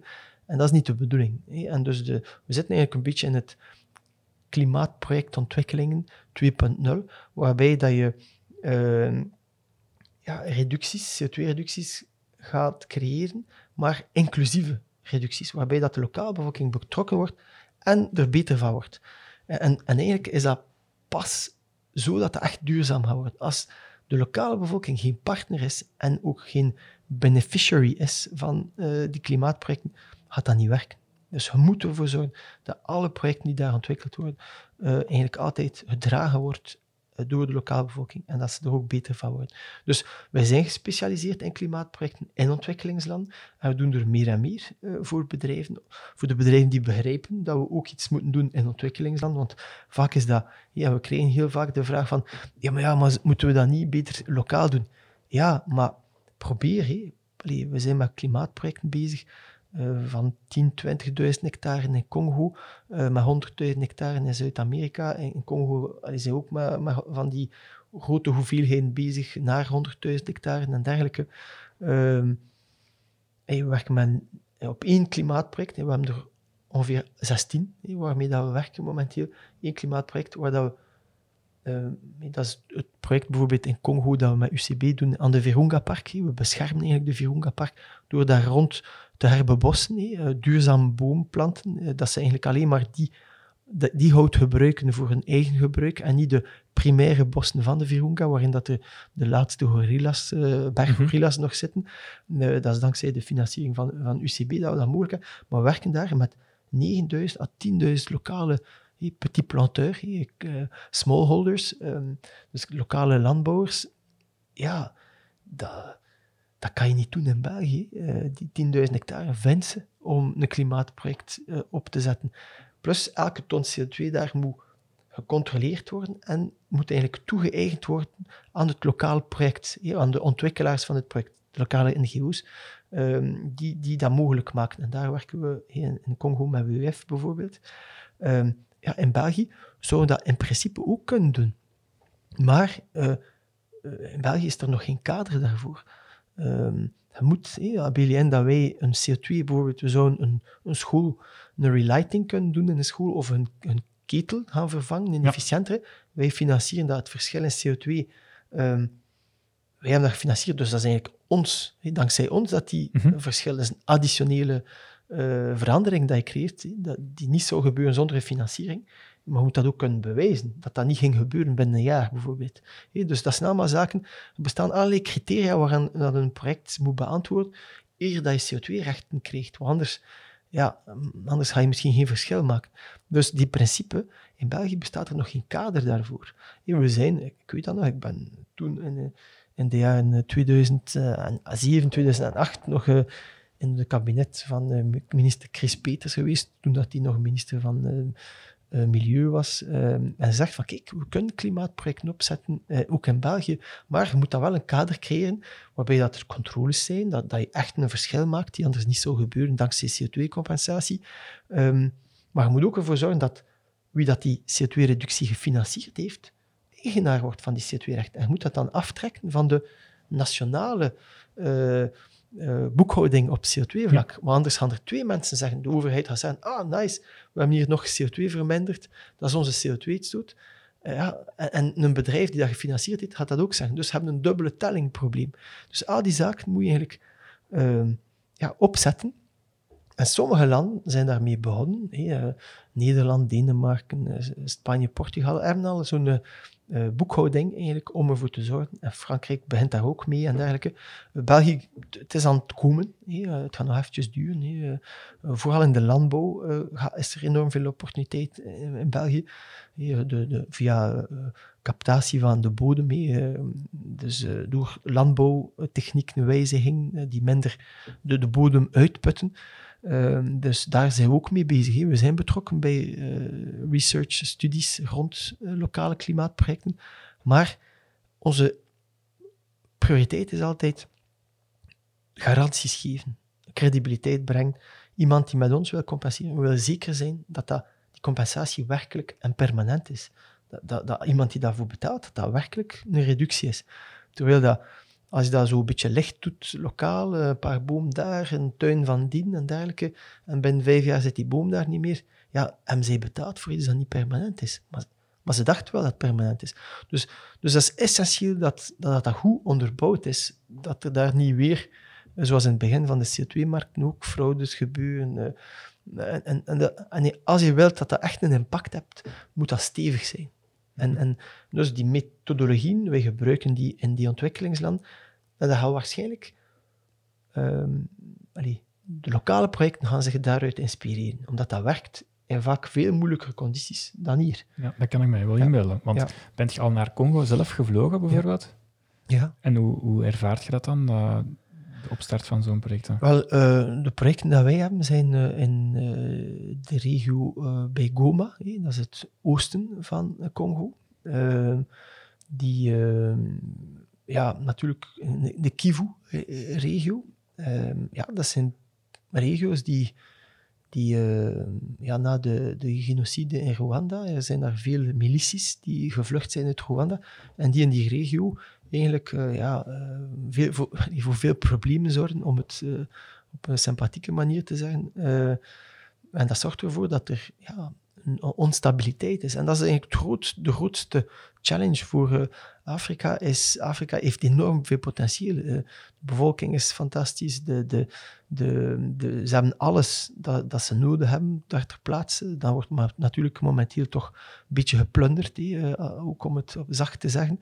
Um, maar ze kunnen daar alles doen. En het grootste probleem is die stabiliteit. Die stabiliteit, zolang dat je geen stabiliteit hebt, kan je moeilijk iets bouwen. En, en, en dat is eigenlijk een van de, de grote uh, uitdagingen voor Afrika. En, in Congo en, heb je ook die, dat probleem, vooral in die regio waar we actief zijn. Maar we proberen wel stabiliteit te brengen, op een of andere manier. Ja. Want als je daar dan bijvoorbeeld land hebt, je werkt je dan samen met bijvoorbeeld inderdaad het WWF, mm -hmm. die dat dan lokaal daar mensen constant hebben zitten om mee die projecten te trekken? Of? Ja, ja, dus in Congo op, op uh, het Virunga-project uh, werken we met WWF. Ze hebben daar enorm veel ervaring. Uh, ze, zijn geapprecieerd door de lokale bevolking.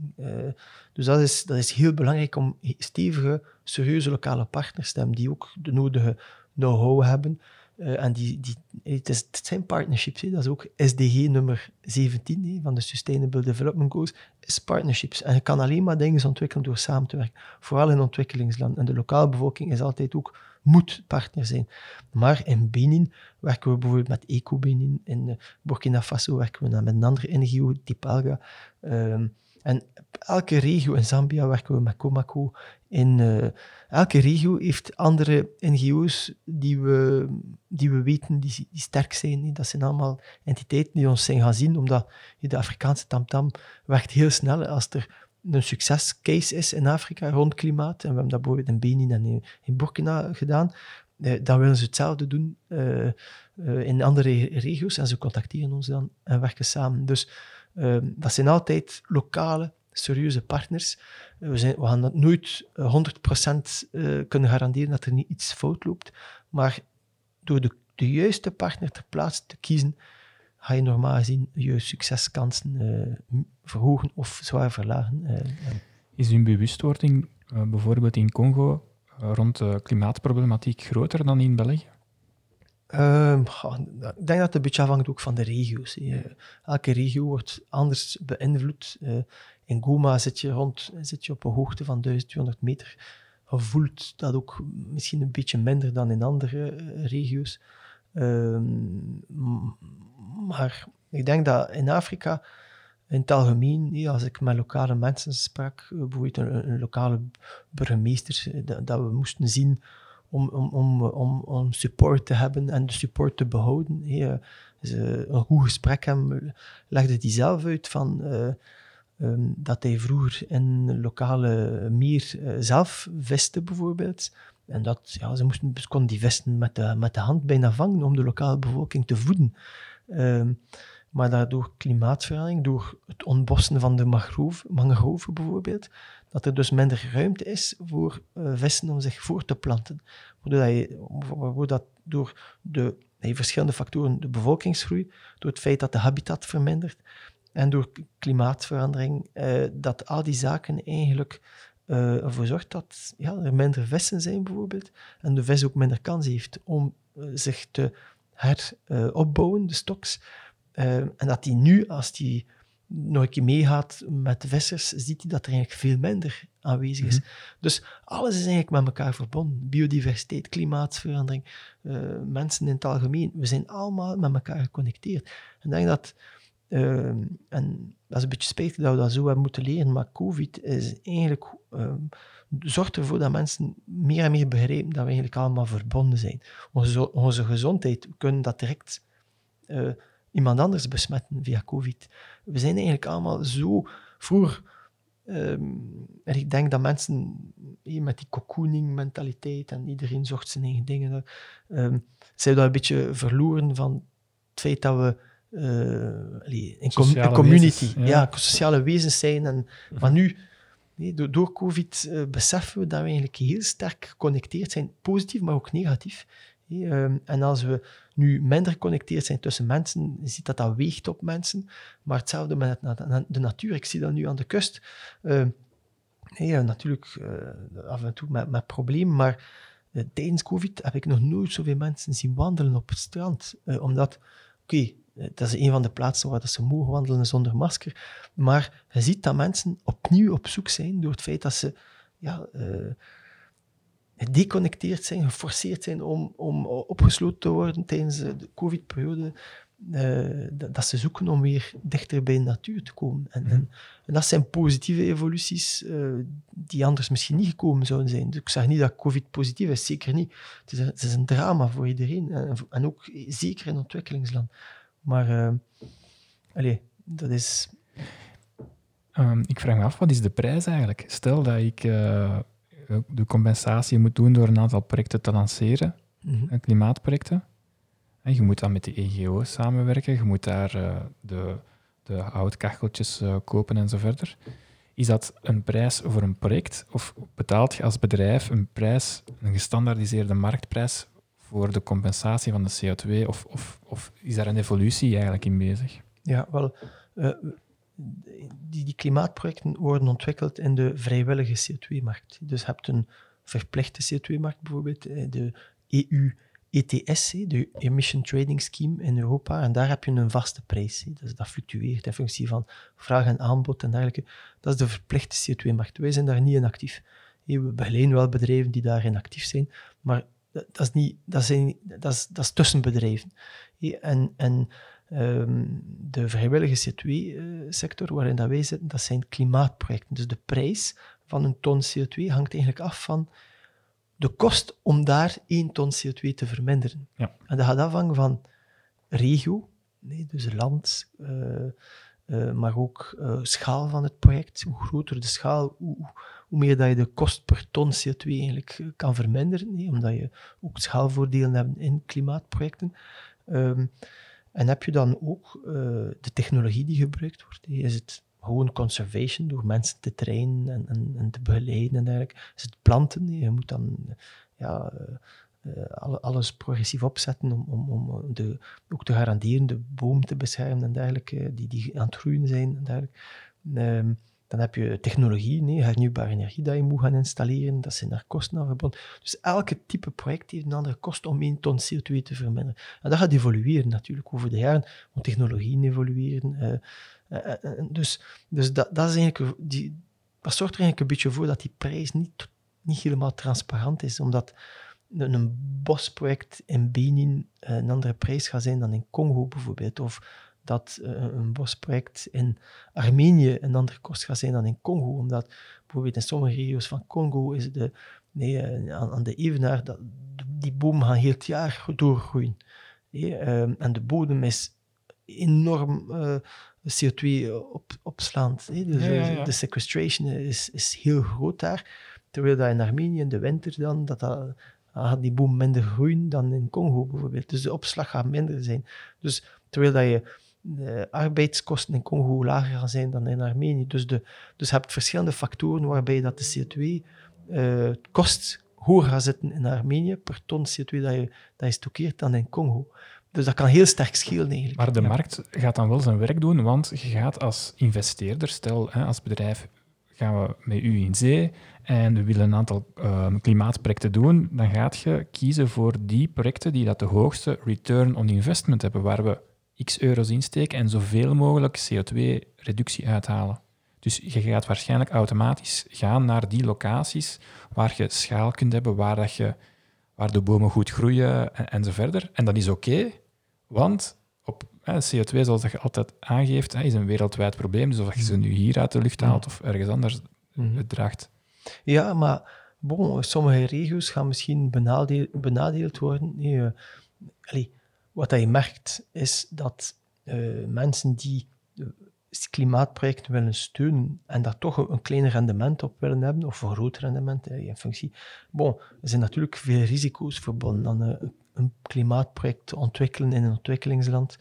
Uh, als je dat niet goed aanpakt, ja, weet je, het blijft Afrika. Er zijn vele stabiliteitsproblemen in mhm. sommige regio's. Uh, um, dus dus um, allee, de markt gaat misschien een beetje zijn, zijn rol spelen, maar de projecten die het meest potentieel hebben op CO2-opslag per euro geïnvesteerd, gaan de eerste zijn die, die, die gekozen zullen worden. En, en, en parallel, ja, de andere gaan misschien pas later komen. Nee, op een bepaald moment wordt dat gesatureerd. Eh, en dan komen de andere projecten. Maar het ideale is dat die CO2-prijs progressief naar boven gaat. En dat gaat, vraag en aanbod gaat dat natuurlijk creëren.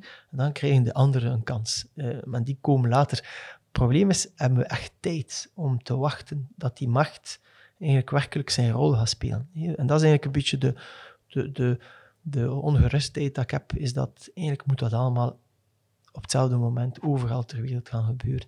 En niet puur door de markt eigenlijk starten met de goedkoopste projecten die het meest impact hebben, wat dat, wat dat goed is. Hè. We moeten starten met de projecten die het meest impact hebben, omdat we uit die projecten ook gaan leren en uh, gaan kunnen toepassen aan andere projecten die dan uh, daar, dankzij de andere projecten minder duur gaan kosten, bijvoorbeeld. Dus dat gaat allemaal waarschijnlijk zich goed, goed zetten, maar ja, zoals de meeste mensen weten, nee, we hebben... Uh, zeven jaar om onder uh, eh, 1,5 graden opwarming te blijven. Als we verder doen zoals we nu verder doen. Uh, dus, uh, dus we moeten heel snel actie ondernemen. Dus overal moeten we die projecten gaan financieren. En ik denk niet dat we tijd hebben om echt te wachten totdat de markt echt zijn rol gaat spelen. Mm -hmm. ja. um, als je een vliegtuigticket koopt, kun je compensatie uh, aankopen. Mm -hmm. Dat is ook wat, uh, wat dat jullie doen. Hè? Dus ja, met uh, Green Tripper. Ja. Green Tripper. Mm -hmm. um, als je dan leest in de kranten en de populaire opmerkingen, dan heeft dat wel zin dat ik me compenseer. Eén, mm -hmm. twee, die prijzen, de, dat is niet overal hetzelfde. Dus ik koop maar hè, de goedkoopste compensatie. Um, wat is eigenlijk um, jullie, uh, aanbod daarin? En, en, en hoe creëert je dat vertrouwen bij die consument dat, uh, dat die investering dat je dan doet, dat die uh, terechtkomt? En waarom is die prijs dan verschillend? Ja, wel kijk, um, ja, de prijzen kunnen verschillend zijn voor verschillende redenen. Hè. Hebben ze wel op de juiste manier berekend? We zijn bijvoorbeeld, je hebt de luchtvaartstandaard, die berekent de CO2-uitstoot puur op het verbranden van brandstof. Dat is, dat is hoe dat de luchtvaartsector normaal gezien berekent. Wij berekenen bijvoorbeeld het verbranden van brandstof, kerosine, maar ook het impact van het verbranden van kerosine in hogere atmosfeerlagen, waarbij dat je eigenlijk een bijkomende effect hebt. En dat noemt de radiative forcing, de radiatieve forcering. En dat, dat de wolken die gecreëerd worden, eigenlijk achter vliegtuigen creëren een soort bijkomende broeikaseffect, die normaal gezien een factor 2 een broeikaseffect kan creëren. Dus, dus dat kan al dat wij twee keer hoger gaan liggen dan een ander, uh, die, die misschien gewoon de brandstof meeneemt. Um, maar op wetenschappelijk vlak is het correcter te berekenen met de radiatieve forcering. Dat is eigenlijk wat dat wij doen, dus daar kan het eigenlijk ook al verschillend zijn. Um, en daarna heb je natuurlijk, zoals ik daar straks zei, klimaatproject, in functie van de gekozen klimaatproject, kunnen de prijzen variëren. Wat essentieel is, en dat is normaal dat prijzen variëren, bij de ene slager kost het duurder dan bij de andere ook, bij de ene bakker en bij de andere ook, dat, ga je altijd hebben. Bij een ene dokter eh, ook dan een andere.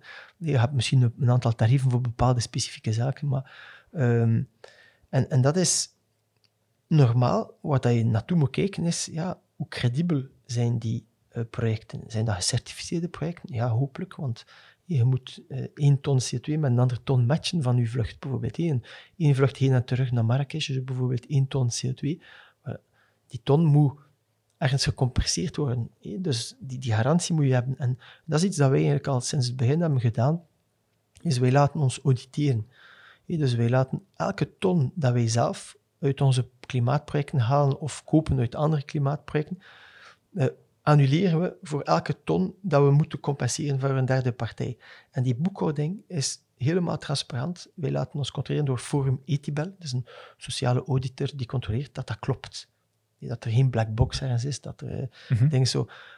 We hebben die vraag nooit gehad, maar we hebben dat beslist, omdat er af en toe mensen zijn die natuurlijk zeggen, ja, maar is dat wel echt allemaal... Allee, weet je... Uh, wij willen kunnen zeggen van, kijk, wij weten dat we dat correct doen, en wij laten ons controleren door een onafhankelijke derde partij, die heel onze boekhouding, boekhouding doorneemt, um, zodat, we zodat er zelf geen... Dat we ons niet moeten justifiëren eigenlijk elke keer. Uh, ja. Want zijn er bijvoorbeeld uh, uh, andere spelers op de markt die het niet zo nauw nemen met die wetenschappelijke standaarden en waar je ehm, sneller of een goedkoper tarief kunt bekomen?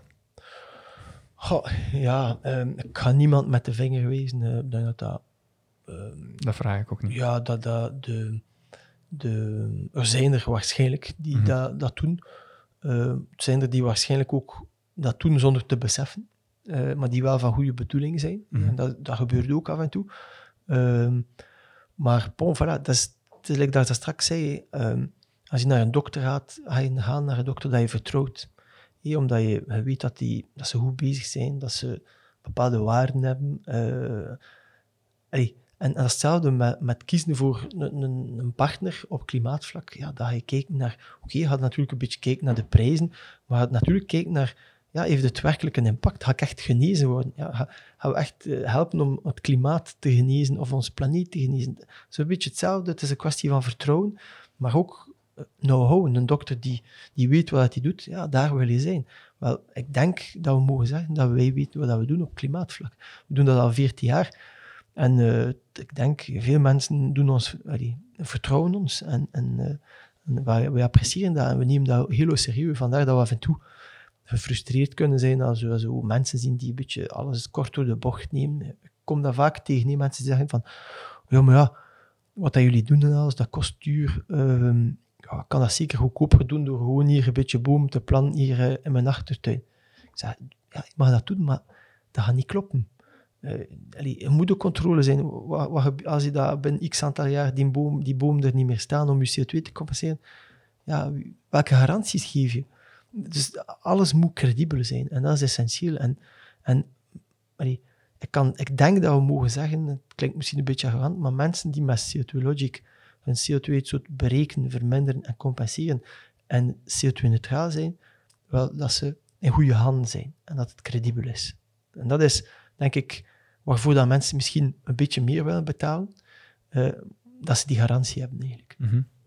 um, zoals er straks en voordat we uh, gestart waren met de opnames, had ik um, uh, begrepen hè, dus dat de Europese ehm, top hè, van afgelopen nacht een een startschot heeft gegeven hè, ter goedkeuring van de, van de nieuwe doelstelling. Ik ga je mm zien wat ik het grafiekje er kan, er kan bijhalen.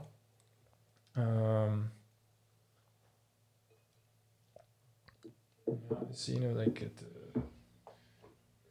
Oh, het komt er niet helemaal op. Uh. het valt een, een, stukje van, van, uh, mm -hmm. van, van het scherm. Um, maar hè, dus de, de, de, doel, de doelen. Um, de doel van de Europese Commissie is om nu 55%, denk ik, uh, te besparen. Tegen 2030. Tegen ja. 2030. Ja. Is dat ambitieus? Uh... Hmm. Uh, dat je ook verwees er juist naar die zeven jaar ja. dat we nog nodig hebben om... Ja, um, wel kijk, um, denk voor sommige landen is dat ambitieus, omdat ze misschien... Allee, het is allemaal relatief. Als je iets wil doen. Uh, kijk, ik ga een voorbeeld geven. Vlaanderen op een bepaald moment uh, zei, ja, we gaan tegen 2030 met 29 of 28 procent ons CO2 verminderen. Dat is onze ambitie. Als je nu van je ambitie van 28 naar 55 moet gaan opeens, dan is dat wel ambitieus. Maar er zijn andere landen die al gezegd hebben dat ze met 60% gaan verminderen, of meer. Uh, het zijn bepaalde landen die nu al klimaatneutraal zijn, die CO2-neutraal zijn, omdat ze heel hun uh, netwerk, hun fossiele brandstofafhankelijkheid eigenlijk al hebben afgebouwd. Dus ambitieus. Uh, het is niet ambitieus genoeg om het klimaat, de klimaatproblematiek uh, correct aan te pakken, maar het is zeker een goede eerste stap. En ik denk dat, de, de, dat dat essentieel was dat Europa een uniform sterk signaal moest geven van kijk, speeltijd is gedaan, nu gaan we echt beginnen iets te doen aan klimaatverandering. We hebben hier al twintig jaar verloren. Uh, we hebben nu tien jaar om die objectieven te halen. En die 55 procent. En als je dan bekijkt op internationaal klimaatakkoord uh, van Parijs, uh, elke x aantal jaren gaat dat herzien worden. De National Designated Contributions, de, de, de bijdrages dat elk land moet doen om zijn CO2-uitstoot te, te verminderen, gaan uh, elk x aantal jaren herzien worden. Dus die 55% dat is wat we momenteel, uh, dat is onze ambitie tegen 2030, maar misschien binnen twee, drie jaar gaan we zeggen van wow, uh, dat was eigenlijk helemaal niet ambitieus genoeg. En we zien dat het eigenlijk veel gemakkelijker is dan we dachten om CO2 te verminderen, ene keer dat iedereen in dezelfde ja. richting kijkt. En dan kun je natuurlijk opnieuw rond tafel zitten en zeggen van kijk, eigenlijk we kunnen nog beter doen. Maar, maar nu, wat daar belangrijk is, is dat we op Europees vlak die level playing field hebben op Europees vlak. En dan pas daarna kun je een level playing field creëren op wereldvlak. Maar we moeten, en, dat is eigenlijk wel goed.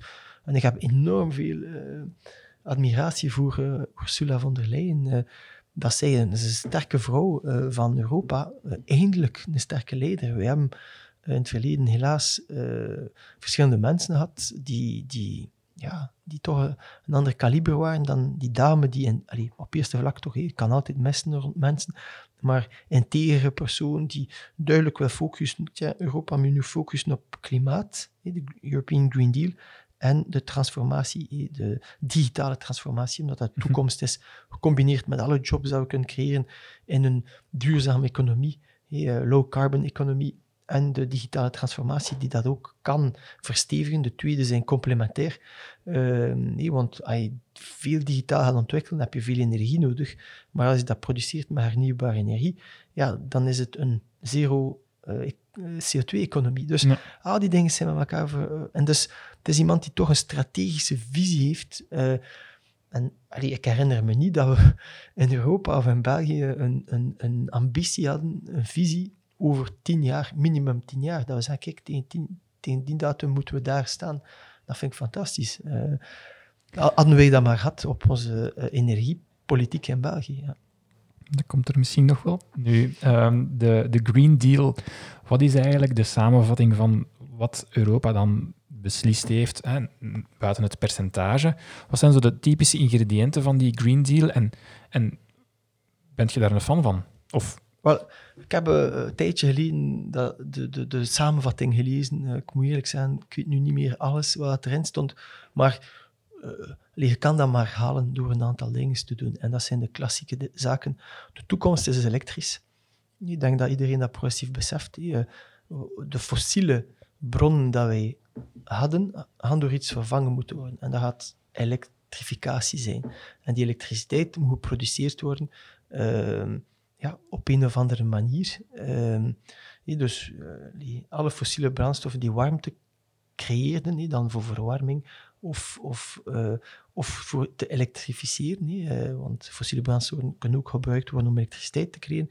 Um, ja, dat ga je moeten vervangen door hernieuwbare energieën. En als je basis nu groen is, dan gaat alles wat je gaat produceren of die op elektriciteit draait, ook nul CO2 zijn. Mm natuurlijk, de, de, producten die gemaakt worden, gaan nog uh, grondstoffen gebruiken, edele metalen en al die dingen. Daar moet, daar moet ook natuurlijk naar gekeken worden. Maar als de basis uh, nul CO2 uitstoot, dan ga je nul CO2 kunnen rijden, ga je nul CO2 kunnen produceren, ga je nul CO2 kunnen verwarmen, ga je nul CO2 kunnen uh, voeding maken, uh, landbouw maken. Je moet kijken naar die vertical urban farms en dergelijke. Ja, als je dan met groene stroom uh, de, je planten doorgroeien verlichten in plaats dan met gas in serres en dan denkt, kan je alles eigenlijk gaan vergroenen. Maar als je basis niet groen is, ja, dus, dus de future is electric, maar de elektriciteit is maar even groen als de stroom, dat je, de, de, de, de, bron uh, die, die elektriciteit mogelijk maakt. Dus je moet ervoor zorgen dat, dat, dat die basis uh, groen is. En veel mensen zeggen, oh ja, maar zonder fossiele brandstoffen gaan we niet meer competitief zijn. En alles. Ja, je ziet dat in Amerika. Ja, dat is niet waar. Uh, jij bent juist veel competitiever door niet afhankelijk te zijn van fossiele energieprijzen die fluctueren. Uh, en als je je eigen energieproductie in de handen hebt, dan heb je een vaste... Weet je exact hoeveel dat energie gaat kosten in de komende jaren? Zit natuurlijk nog met die netkosten en daar, dat is nog een ander debat. Maar beeld in dat we in de toekomst gaan naar een smart uh, metering, smart energy, waarbij dat alles geconnecteerd is en je eigen productie in de handen hebt ja, dan spreken we toch over iets anders. Dus, dus allee, de European Green Deal gaat. Um, de, we gaan alles wat we kunnen voorkomen, proberen te voorkomen. De energie die we niet nodig hebben, moeten we proberen. Um, dat is dan renovaties van gebouwen en dergelijke. Ervoor zorgen dat we minder warmte nodig hebben, minder elektriciteit, minder verlichting. Uh, en als we verlichten, de duurzame alternatieven, uh, zoals LED en dergelijke, uh, mobiliteit duurzamer maken. Maar al die zaken dat ze moeten doen, voorkomen efficiënter en, en op hernieuwbare energie, ja, gaan op die, die duurzame energieproductie afhankelijk zijn. Dus Um, ja, er, allee, er, zijn geen uh, mirakels, mm -hmm. maar, maar, we gaan de juiste energiemix vinden. En, en het gaat niet alleen windturbines zijn, het gaat niet alleen zonne-energie zijn, het gaat niet alleen geothermie zijn, het gaat niet alleen waterstof zijn, het gaat een mix mm -hmm. van alle verschillende energieën zijn. En elke type energie is beter aangepast voor bepaalde doelstellingen. Voor mobiliteit, een bepaald type energie, voor industrie een bepaald type energie, voor landbouw een bepaald type energie. En we gaan progressief de juiste mix moeten vinden. Uh, het gaat niet dat is heel belangrijk, want veel mensen die kijken naar de totale energieverbruik dat we vandaag hebben op vlak van kernenergie en zeggen, ah, onmogelijk met windturbines en zonnecellen. Ja, maar ja, is één, we gaan eerst ook een deel energie moeten kijken hoe dat we dat eventueel een deel kunnen verminderen we gaan natuurlijk meer energie nodig hebben, omdat we meer en meer gaan elektrificeren. Um, dus ja, allee, je moet kijken welke zaken kun je eigenlijk gaan schuiven in functie van sectoren en, en dergelijke. En dan de, de, de, beste energie voor de beste applicatie gaan gebruiken. En, en daar moeten wij nog smarter gaan worden en niet gewoon lineair denken van kijk, zoveel energie vandaag, dus zoveel mm met wind en zon en dat gaat niet lukken. Nee, je moet dat anders gaan zien. Je moet eigenlijk gaan eh, de juiste mix op de juiste plaats. En, en dat is essentieel. Um, er juist heb je ook aangehaald dat dus Amerika gaat terug opnieuw in het uh, akkoord van Parijs uh, mm stappen. Um, wat is dan de rol van bijvoorbeeld landen zoals China, India, die um, misschien historisch een achterstand hebben gehad, maar als we misschien bijvoorbeeld nu China zouden bezoeken, dat we toch misschien verrast kunnen zijn over hun initiatieven, dat, dat ze nemen. Bent je daar hoopvol over? En ziet je nog een verschil tussen bijvoorbeeld eh, een land zoals China of dan een ander land zoals, zoals India? Um, ik ben hoopvol uh, als ik uh, hoor. Ik ben natuurlijk niet in China geweest, onlangs toch niet, maar wel tamelijk veel gelezen daar rond. ze hebben natuurlijk een hele tijd hun energienood heel snel moeten oplossen met steenkoolcentrales en dergelijke, om de nood te beantwoorden. De, maar ze zijn een beetje slachtoffer geworden van een succes. Uh, ze zijn heel snel geëvolueerd uh, en hebben dus een nood aan energie heel snel moeten oplossen en verbranden van fossiele brandstoffen is het gemakkelijkste eigenlijk. Is geen rocket science. Um, maar slachtoffer geworden door lokale vervuiling. De, de, de zijn letterlijk uh, uh, in een eigen fabriek aan het stikken eigenlijk. en, en weet je, ook een, een, communistische partij die een beetje autocratisch is, uh, heeft ook kinderen. En uh, ja, als je kinderen aan astma lijden eh, of longontsteking hebben of sterven aan familieleden, die, ja, ze zijn daar ook gevoelig voor. En ze beseffen heel goed dat hun snelle ehm, evolutie en welvaart, dat ze uit die ja, groei, economische groei begon te krijgen, eigenlijk onder druk begon te komen van ja, de lokale vervuiling. En dus ze beseffen heel goed dat ze heel snel een ander model moeten creëren en ze investeren massaal veel in hernieuwbare energieën. Genoeg, dat weet ik niet, ik kan daar niet over oordelen, maar uh, ze, ze, doen meer uh, dan Amerika, meer dan Europa in, capaciteit creëren. Natuurlijk, ze hebben veel meer nodig ook. Um, maar, maar, inderdaad, Europa was voorloper op hernieuwbare energie op een bepaald moment. Ik spreek over 10, 15, allez, 15 20 jaar geleden. Uh, ja, zij zijn eigenlijk nu als Europa nu snel reageert, gaan wij ook onze eigen industrie kunnen creëren rond al die technologieën. En hopelijk op waterstofvlak en dergelijke. Ehm, ehm, maar de Chinezen, denk ik, qua volumes. En, en ze hebben dat ook heel snel begrepen, nee, wat ik straks zei. Hun windturbines, zonnecelparken en alles. En ze zijn eigenlijk al kleine scootertjes aan het vervangen door elektrische scooters. Oké, je hebt dan natuurlijk het edele metalen en, al de, de kobalt en al die, dat debat, die, die ook zeker heel belangrijk zijn naar vervuiling toe.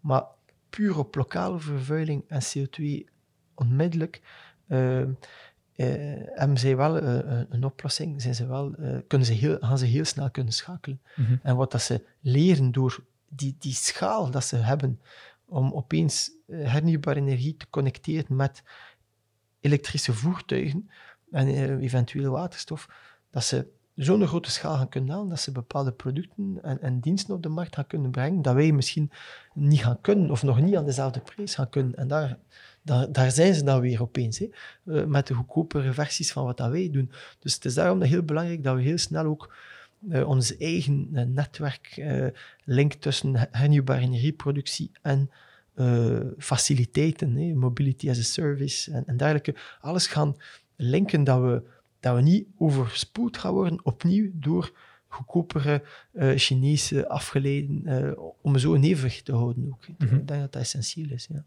En, en zijn er landen um, of industrieën die, die nu een beetje aan het bibberen zijn uh, in, hun, in hun boardroom of in hun, ja, laat ik zeggen, hè, de, de in, in, in, op het paleis hè, van, van, van het koninkrijk, of waar de eerste minister zit, die op dit moment misschien nog niet mee zijn, of die op dit moment op een industrie teren die voornamelijk gebaseerd is op fossiele brandstoffen?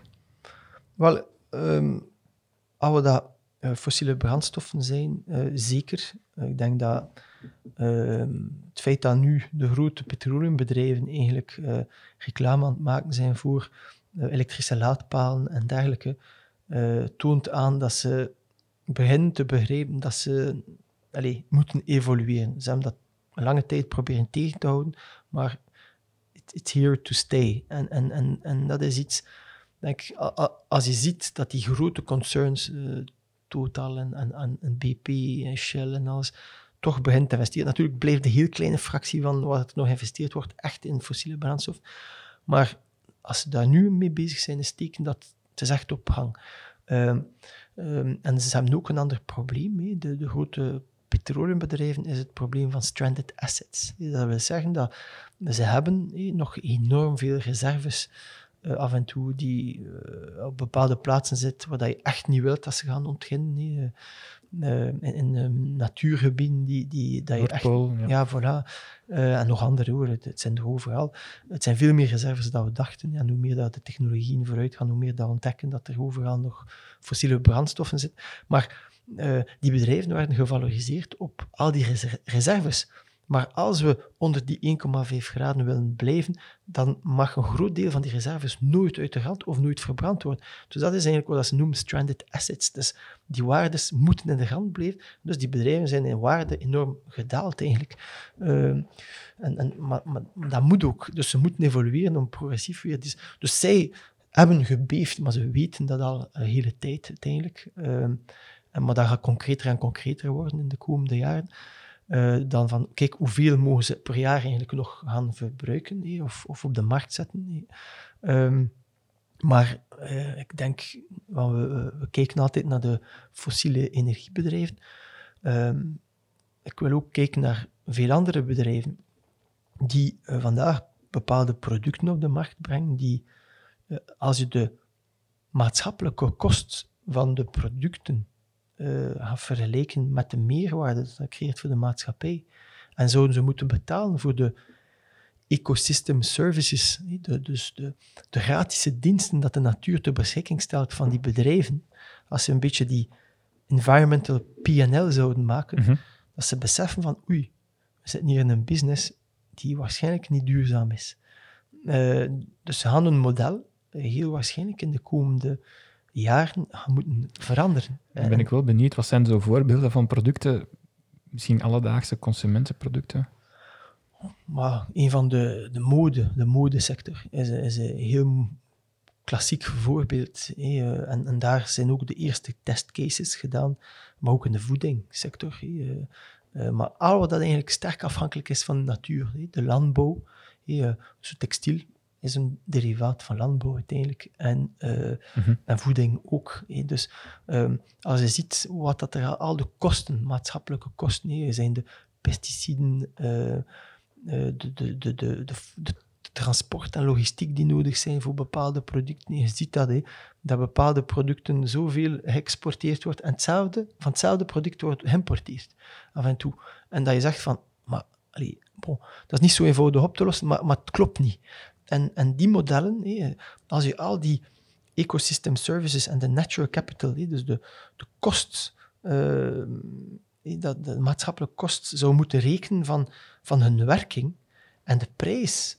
En, en vandaar dat we meer en meer spreken over de true price, over de true cost van iets. Uh, dat je beseft van, ja, dat klopt niet. Want de prijs dat zij een product verkopen, is lager dan de kost voor de maatschappij, de, de, voor de natuur. En dus ergens in die keten verliest er iemand, want anders kan je dat niet mhm. zo goedkoop kopen uh, of verkopen. Uh, nee, zo'n t-shirt van 1 euro of 2 euro bij, ik kan dat niet noemen, maar waar dat mensen de file doen om te gaan kopen nu in covid-tijden. ja, dat is, dat is, we leven in een, in een belachelijke maatschappij waarbij dat de kosten voor de maatschappij. Dus we, we putten onze bodems uit, we vervuilen onze lucht, ehm, we, doden de biodiversiteit. Al die kosten zijn veel hoger dan de kosten. Dus elke keer dat je zoiets koopt, hypothekeer je eigenlijk een beetje de toekomst. Mhm. En dat is iets die, die, die, dat we niet beseffen, of te weinig beseffen, is dat, dat dat niet duurzaam is. En dus ik denk dat die mensen, misschien nog, sommigen beseffen dat nog niet, ehm, dat die mensen eigenlijk gaan beginnen beven in de komende jaren, omdat ze in een model zitten die totaal geen, uh, ja, totaal surrealistisch is eigenlijk. Dat je, dat je schulden maakt op kort termijn, dat de natuur en mensen moeten betalen, die uit, uitgebuit worden, ze worden niet correct betaald.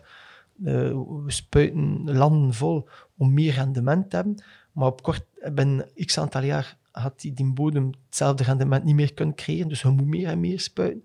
En zo van die dingen. Um, ja, het klopt niet. En dus, uh, dat is eigenlijk... Uh, en er zijn niet hoeveel modellen vandaag die, die plastiekproblematiek, uh, hoeveel verpakking dat wij hebben. En, we hebben het geluk dat we vandaag met meer en meer bedrijven werken waar dat we ook kijken om het plastiekverpakking te verminderen en dergelijke. En, ja, met de lijst, dat is een heel mooi voorbeeld, hebben we enorm veel uh, plastiek. Uh, en, en, dat is dankzij ook vooral hun teams. Maar die, die, die, de grote bedrijven die elke dag nog eh, iets brengen in een grote, dikke, zware verpakking. Ben, als je de maatschappelijke kost van ocean plastics, ocean waste gaat kijken, bekeken, die, die prijzen zijn, die zijn de range is enorm. Ze, ze, ze, ze evalueren dat tussen 3000 en 33.000 euro per ton ocean plastics. De kost voor de maatschappelijke kost, omdat dat omgezet wordt in microplastics. Dat zijn natuurlijk nog heel jonge studies. Mhm. en, vandaar dat die range zo groot is ook. Ehm, omdat dat nog, eh, die onderzoek van wat is het impact van microplastic in levende organismen, uh, in onze lichaam ook, uh, en dergelijke, omdat dat in onze voedingsketen terug gaat. Omdat er ook ja, bepaalde uh, ketens worden gebroken. Uh, want we hebben vissen uh, die, die sterven omdat er plastic in hun lichaam is. Mhm. die, allee, ik wil daar niet te veel in detail over spreken, maar um, dat is zo'n grote kost uh, voor de maatschappij, dat hier opnieuw die, dat goedkope plastic tegenover de kost van de maatschappij makes no sense. Dus daar, dus elke nieuwkomer die daar een alternatief voor heeft, ja, dat is de toekomst. Die modellen, eh, we spreken altijd over disruption uh, en dat dat altijd in de IT en de internet en, en al die grote, maar, maar puur in FMCG-producten, dat gaat op, op een bepaald moment gaat dat heel snel gaan. En mensen gaan zeggen van, maar ja, ik heb geen, ik moet die en die producten gaan halen ergens, ik koop dat, en het wordt allee, in functie van de type producten een paar seconden gebruikt of een paar weken. En dan eindigt dat weer in een vuilbak. Dat is, en, en we hebben energie nodig om dat te produceren, fossiele brandstoffen heel vaak. En heel de lifecycle van heel dat product. Mhm. Dat vervuilt waarschijnlijk ook terwijl dat je in de machine opnieuw uh, dat product gebruikt. En daarna, op het einde van het leven van het product, heb je weer energie nodig om dat af te breken of te recycleren of wat ook. It makes no sense. Uh, je creëert de zaken die, die totaal nutteloos zijn eigenlijk in vergelijking met die alternatieven die nu aan het komen zijn. Dus ik, zou ik die bedrijven zijn die, die producten maken die eigenlijk ja, anders kunnen, ik zou bang zijn. Maar die mensen zijn meestal uh, slim en, en we werken ook graag met iedereen die hoesting heeft om CO2 te verminderen, minder impacten te hebben.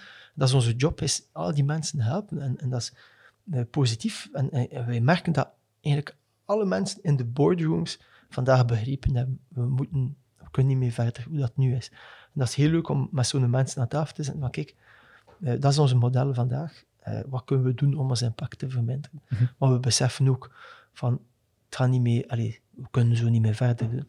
En, om zo samen te werken en alternatieven te bekijken. En, en, en, veel, het is aan het veranderen, uh, niet snel genoeg, maar op dat vlak voel ik wel dat het in de goede richting aan het gaan. We hebben natuurlijk een enorme klimaat- en milieuschuldberg gecreëerd dat we gaan moeten opkuisen. Uh, daar, daar gaat er nog enorm veel werk zijn, dat is zeker. Um, als je kijkt naar jullie bedrijf, eh, opgestart uh, 14, 15 jaar geleden. Ja. Wat, was de, wat was de trigger, wat was de aanleiding? Um, wel, ik, ik werkte, CO2 Logic hebben we officieel in 2007 opgericht, ehm, in januari 2007. Het idee was mij al gekomen in 2004, omdat ik op een bepaald moment zelf dacht, ik werkte toen in een ingenieursbureau, uh, en ik dacht zelf, ja, ik hoorde spreken over het klimaatakkoord, het, Kyoto-protocol, al die zaken. Dat interesseerde me, want dat had iets te maken met, met bossen. Nee, en oh, er, was, er werd gesproken over het CO2 opslaan via bomen en, die zaken. En ik heb me daar een beetje in verdiept. En, uh, en uh, ja, ik, ik, voel me af, maar wat kan ik doen voor het klimaat? Want, uh, en ik ben daar me beginnen te interesseren. Ik ben altijd heel gevoelig geweest voor wat dat milieuproblematiek is. Ik ben ook uh, opgegroeid uh, aan, aan zee, maar ook in de bossen, omdat mijn grootvader mij vaak meenam in, in bossen. En dat was allee, de trigger van, tja, één, die, die problematiek, maar ook het andere element, ik was zo al een aantal jaren in een bedrijf aan het werken, en dat begon, een beetje repetitief te worden. En ik dacht, ja, maar is dat, is dat echt wat ik wil doen? En opeens begin ik me te interesseren aan, nog meer aan de huidige klimaatproblematiek. En ik dacht van, tja, ik, ik wil natuurlijk ondernemen, maar ik wil iets doen die, die zin, die, die uh, uh, makes sense, dat, die zin geeft aan, een beetje aan mijn leven. En, en dan dacht ik van, ja, eigenlijk, ik ben altijd in de bossen geweest, heel mijn jeugd. En, en nu is dat een van de mogelijke oplossingen voor een van de grootste problematiek. Nou, ik ga daar iets rond doen. En ik heb me daarin gevormd. Ik heb een goede vriend gaan zien uh, toen, mijn, mijn, dan, die dan mijn partner geworden is bij het opzetten van CO2 Logic. En, en we zijn dan tot dat model gekomen van, oké, we gaan compenseren eerste idee was om uh, bedrijven te helpen compenseren met klimaatprojecten, met, met bosprojecten en dergelijke, mm -hmm. hernieuwbare energieprojecten. Maar heel snel merkten we dat veel mensen geïnteresseerd waren, maar niemand wist hoeveel CO2 dat ze uitstoten. En dan, ja, als je iets voorstelt, maar dat je niet kan kwantificeren voor de mensen, en dat zij ook niet kunnen kwantificeren van welk positief impact dat ze kunnen hebben, of welke verantwoordelijkheid dat ze hebben, dan, dan kon je ook niet vooruit gaan. Dus we hebben ook heel snel gezegd van oké, we moeten ook het advies aanbieden. Het correct berekenen van CO2-uitstoot. En zo is CO2 Logic eigenlijk uh, opgestart uit een soort kruising van, van twee zaken. Het moment waar dat ik me in vraag stelde en het moment waar dat oude passies en, en gevoeligheden eigenlijk opeens een deklik gemaakt hebben van kijk, eigenlijk, ik wil iets doen voor de maatschappij.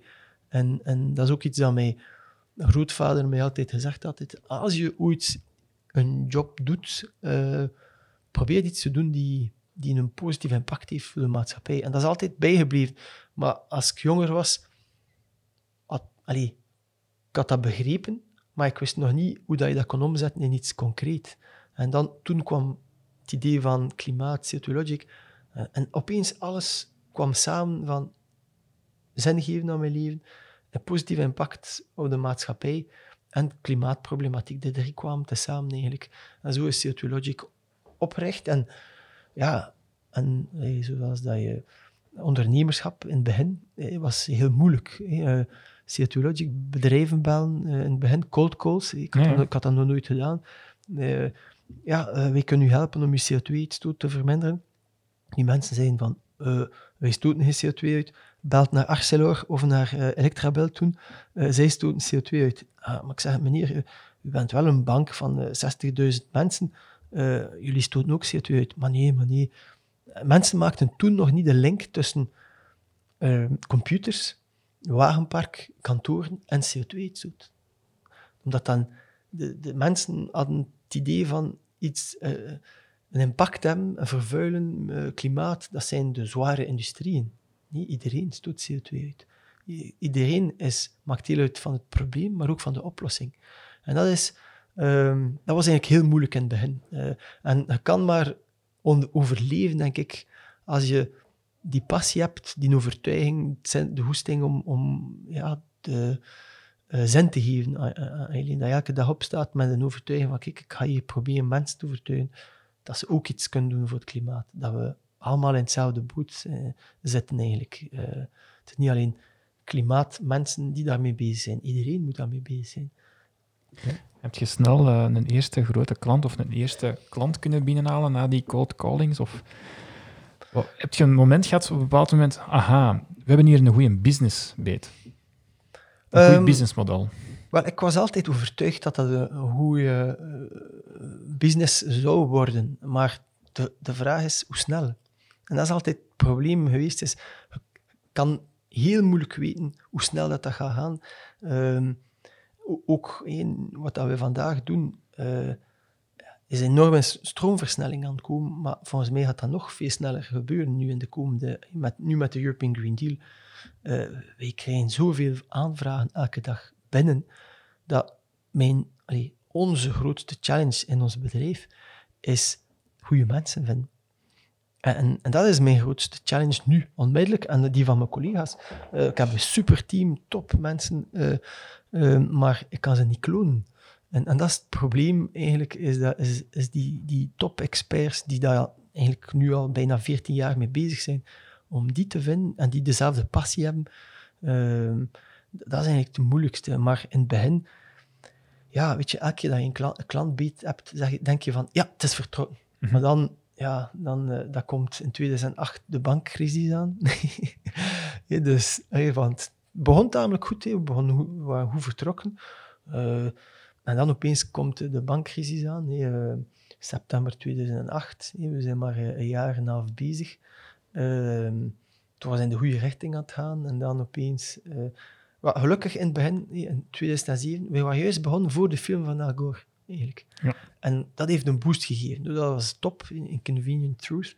Ehm, en dan de bankcrisis, tweede, september 2008 begon dat en dan is het domino geworden. Nee? Uh, begon dat zo te down. Uh, we hadden gelukkig, de, de bewustwording was er en begon te stijgen, mhm. maar de financiële middelen gingen naar beneden. Iedereen was survival. En die bankencrisis heeft eigenlijk een impact gehad. 2000, eind 2008, 2009, 2010 is dat nog blijven van iedereen, wow, uh, survival. Dus tijd geven en klimaat was dan, dan echt geen prioriteit niet meer op dat moment. Dus we hebben een paar toch moeilijke jaren gehad. En dat begon eigenlijk progressief beter te gaan vanaf 2013. Dus je moet al een tijdje hang on. Uh, we geloven erin uh, en dergelijke. En, en ja, dat, dat, creëert natuurlijk uh, moeilijkheden. omdat je, ja, je moet de mensen en blijven enthousiasmeren van kijk, het is essentieel voor de maatschappij. Dus het gaat ook eventueel hopelijk toch nog goed blijven ook voor business. En, en die overtuiging, als je het alleen voor business doet, ja, was ik er al lang uit. Ik kan veel meer kunnen verdienen door uh, immobiliën te verkopen uh, aan de kust. Ik denk dat, ze, dat, je daar meer verdient.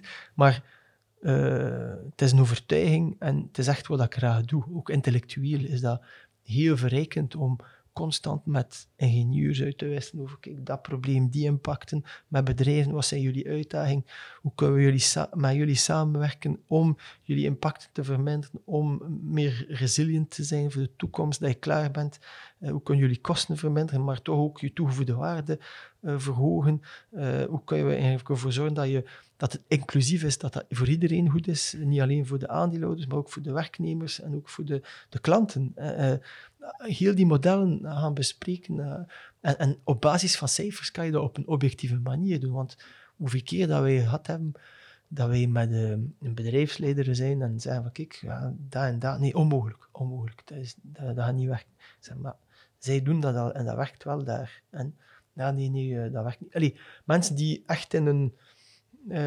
maar gelukkig komen we en, en, en, en veel klanten met wie dat we vandaag werken, allee, eh, ik wil ze dan ook nog hier bedanken, is, die zeggen, ah, wij geloven in CO2 Logic, we kunnen samen iets betekenen. En af en toe kom je zo een aantal bedrijfsleiders tegen die zeggen, ja, wij vertrouwen jullie, we gaan hier iets samen doen, we gaan hier heel ons bedrijf uh, progressief uh, veranderen.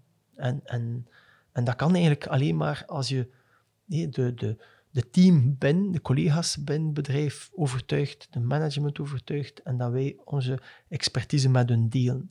Ja, wij gaan ook meer en meer proberen open source te doen, uh, om ervoor te zorgen dat wij daar zijn, maar voor de repetitieve zaken eigenlijk, ja, weet je, wij zijn geen robots. Wij, wij willen constant nieuwe dingen brengen en toegevoegde waarde brengen aan, ik wil niet uurtje, factuurtje en elk keer hetzelfde doen, elk jaar hetzelfde voor, voor, voor bedrijven. Wij willen constant uh, Intel kunnen gebruiken die een bedrijven vooruit doen gaan. En dat is eigenlijk echt onze overtuiging. Uh, uh, voilà. en, en, ik weet, de, de goede mensen dat wij hebben, we kunnen ze alleen maar houden als we ze constant nieuwe challenges geven, nieuwe, ja, nieuwe projecten in Afrika. Uh, maar daar heb je financiële middelen voor, om, om de kickstart te doen. En, en, dat is af en toe het probleem nog altijd. Ja. Welk soort profielen um, zou je graag verwelkomen om, om verder te kunnen doorgroeien? Wat... Ja, uh, ik denk...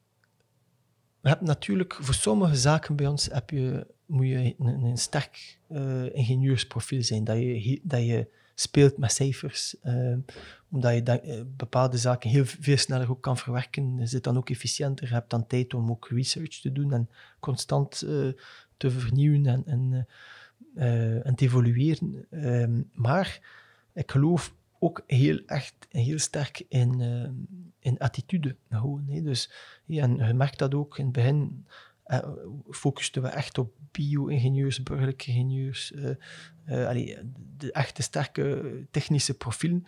Maar we merken ook dat, dat veel mensen eigenlijk die gepassioneerd zijn door een onderwerp, die een minimum aan technische vorming hebben, eigenlijk als ze extra vorming bij ons krijgen en dergelijke, eigenlijk ook heel goed kunnen zijn. Ehm, dus we zoeken eigenlijk mensen die toch een beetje technisch zijn, maar die eigenlijk ja, een drive hebben en die echt iets willen doen niet puur idealisten, want dan is het beter om hun eigen bedrijf op te richten, want wij moeten rationeel blijven. facts and figures en mensen inspireren, maar we moeten kerk in het midden. Ehm, dus mensen met een attitude en, en, een beetje technische achtergrond. Dat mhm. is echt wat dat wij zoeken en die, ja, die, die gepassioneerd zijn. Ja.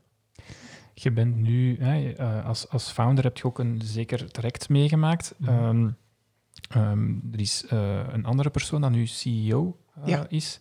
Hoe, hoe verloopt uw samenwerking met, met de CEO en, en, en um, vanaf wanneer heb je de beslissing gemaakt om, om, om zo'n soort van profiel binnen te trekken? Wel, ik was tot uh, voor kort uh, zelf founder en CEO. Hey, dat staan veel, veel titels dan. Maar, maar uh, op een bepaald moment merkte ik dat ik eigenlijk heel veel... we zijn nu een team in, in, de CO2 Logic community met de zusterbedrijfjes. zijn we dertigtal mensen.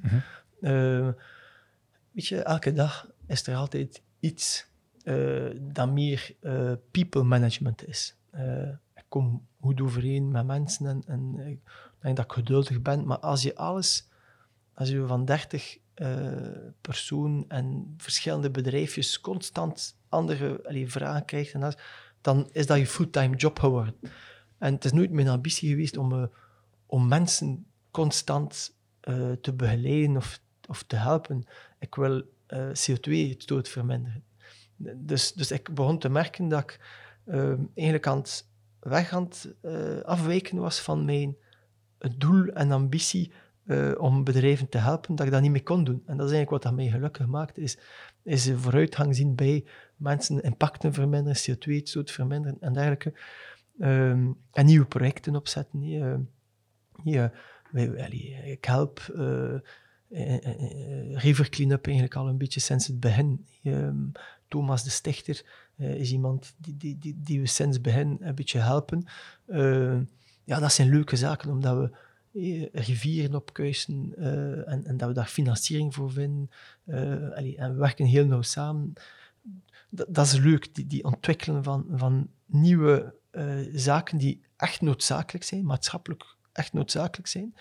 Um, en, en, die dus een positief impact hebben en die, dat er daar een soort drive achter zit. Dat, dat vind ik leuk. Dus ik week af van eigenlijk wat ik uh, graag doe.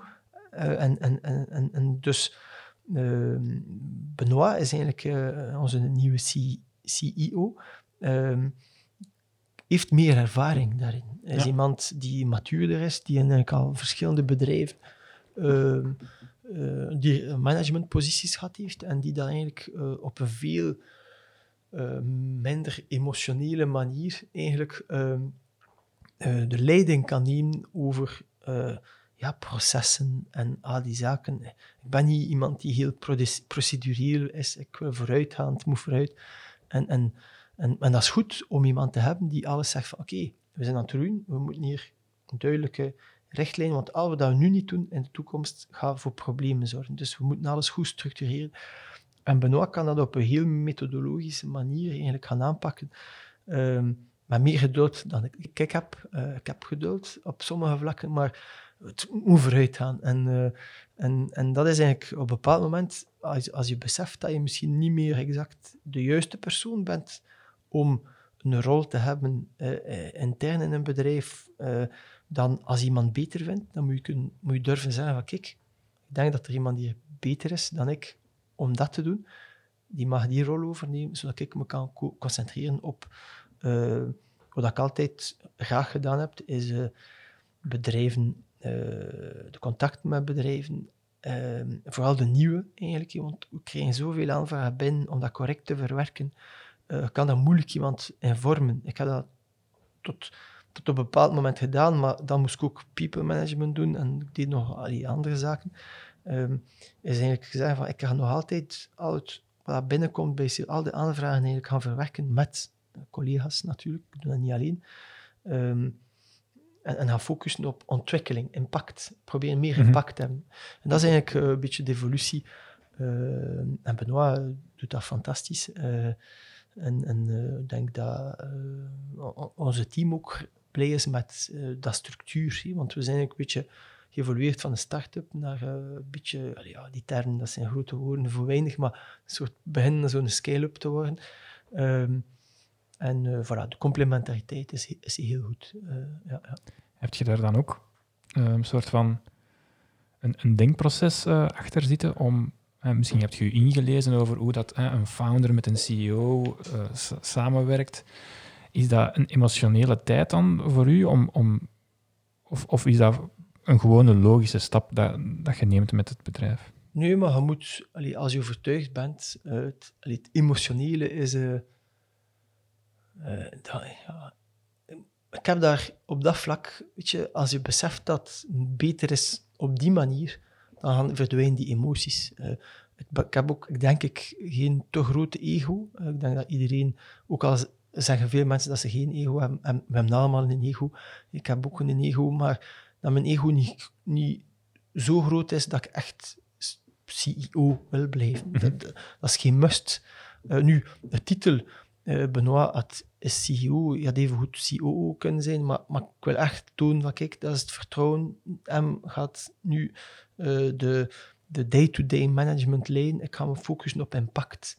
en, en, en zo uh, ervoor zorgen dat, dat de collega's ook weten, oké, het is met Benoit dat ik dat allemaal moet bespreken. En Benoit, dat er geen twee...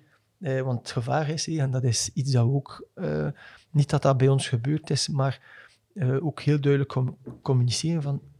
Benoit is de CEO en, en Antoine doet alle ontwikkeling is en impact en dergelijke. Dat ze niet en bij mij komen en bij Benoit nog om te kijken van oké, waar kunnen we hier nog uh, een middenweg vinden. De mensen bij ons doen dat niet, maar we hebben wel... Uh, we moeten anticiperen. Dat, dat is niet zeggen, ja, maar Antoine zegt dat en hij zegt dat. En mhm. dan... Dat is...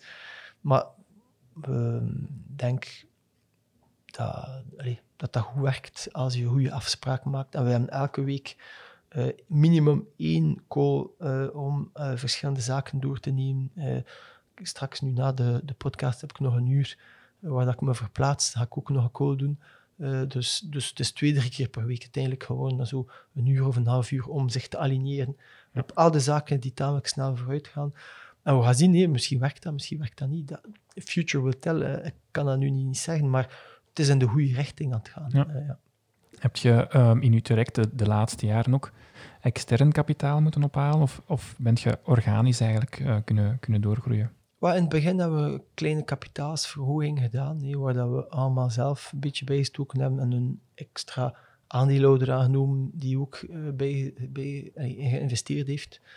Um, en dat heeft, uh, ja, dat was nodig om, in het begin, weet je, als je niet alleen werkt, in het begin waren we met twee, en dan, ja, als er niks binnenkwam, betaalden we ons niet. Dus dat was, dat een zware periode in het begin. Um, maar als je dan andere mensen aanneemt, moet je ze wel betalen. De, de, de founders kunnen wel eventjes uh, de, de, uh, ja, een beetje rijst eten gedurende uh, een aantal weken. Uh, maar, ehm, maar de andere mensen, als je goede mensen wil dan niet, moet je ze ook correct betalen. En dat is altijd het principe geweest. nee, essentieel om mensen correct te verlonen. Ehm, en ja, dat is Daarom uh, ja, inderdaad misschien wat meer kapitaal aangetrokken om die, ja. die doorstart... Uh... Ja, ja die, eerste, die eerste fase. En, en dan zijn we echt proberen organisch te, te, te groeien, omdat weet je, onze activiteit gaan uitleggen van berekenen, verminderen, compenseren en de complexiteit van al die projecten in Afrika en die prijzen die anders zijn en uh, per type project en de technologieën en de standaarden en al die dingen gaan uitleggen. Je kan dat uitleggen, maar dat is enorm veel werk om dan kapitaal uh, op te halen. Toen, nee. nu, nu, nu, nu gaan we dat misschien ook nog een keer doen. Uh, nog niet zeker, maar uh, ik denk van niet onmiddellijk. Maar er zijn ook andere methodes. Ehm, ja, dat, dat kruipt veel tijd in om alles uit te leggen, het vertrouwen te creëren. zeker zijn dat we dezelfde waarden hebben, want allee, wij willen geen ja, tapetenverkoper horen, uh, uh, terwijl dat we echt iets doen. Hey, al mijn collega's, zou ik morgen een te commerciële wending geven aan het bedrijf, is, ja, zijn er misschien tamelijk veel mensen weg. Ja. Um, dus we moeten altijd een, een juiste evenwicht vinden tussen je waarden, je ontwikkeling. Uh, wij hebben een voorstel gekregen in het verleden om ja, kapitaal te injecteren, uh, overnames en dergelijke. Maar ja, als het niet klikt, moet je het niet doen. als, als we ooit mensen tegenkomen waar dat wel klikt, gaan we het misschien wel doen. Vooral als het een, een garantie geeft aan de continuïteit van CO2 aan de continuïteit van onze waarden, maar ook de kwaliteit van onze dienst naar onze klanten toe. Dus dat kan misschien ooit in de toekomst gebeuren. Uh, dat wij, ja, als we investeerders tegenkomen die ons extra mogelijkheid geven om betere diensten aan te bieden, om sneller CO2 te verminderen bij onze klanten, dan gaan we dat misschien wel doen. Maar momenteel blijven wij wel ja, bewaarders van onze waarden en, en van de, de kwaliteit van onze diensten. Mm -hmm. ik zou graag ehm, naar, naar het uh, laatste topic van, van vandaag gaan, mm -hmm. naar, naar, naar de sol. En ik had gevraagd om een persoonlijk voorwerp mee te nemen. Ja. En je hebt, misschien kun je het even erbij halen en voor de camera even... Ja, dat, dat, dat, klinkt altijd zo een beetje pathetisch en zo, maar, maar allee, ik vermeldde in het begin ehm, dat mijn grootvader mij enorm geïnspireerd heeft. En dat is zo'n foto van mijn grootvader, maar dat is natuurlijk niet... Ik weet niet of dat, dat ziet. Voilà. Dat is, maar ik wil hem zo ja. eer betonen. Ik denk dat iedereen heeft zo een aantal mensen die, die hen geïnspireerd hebben. Uh, en uh, ja, weet je, af en toe kan je mensen inspireren gewoon met één zin. En ik heb een paar, ook naast mijn grootvader, natuurlijk mijn ouders, die me de kans gegeven hebben om altijd te doen wat ik wou. Want toen dat je zegt, je begint de familie uh, op te richten, je gaat een klein krijgen, dat je zegt dat je ouders, ja, ik ga stoppen met mijn job, ik ga uh, CO2 verminderen. En, en zij weten allee, niet echt over wat het gaat.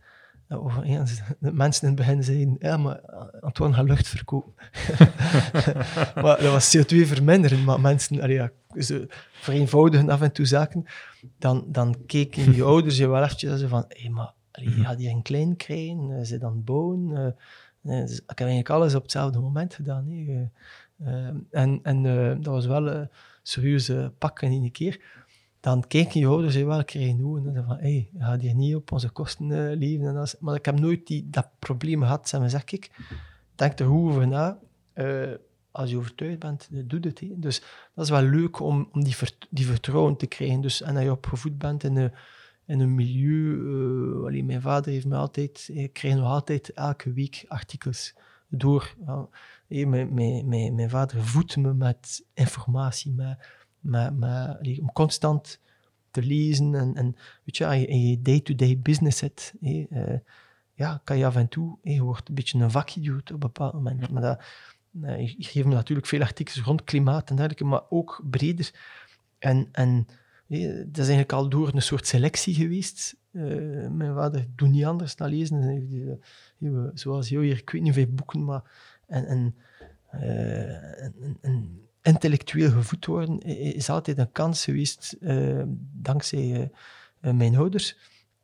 En, zo kan je eigenlijk die juiste vragen stellen, omdat je ja, mensen en, en, teksten tegenkomt die, die de juiste vragen stellen en die de, juiste issues. Geen pure one-liners op social media en dergelijke. Nee, echt die, dingen die je doen nadenken.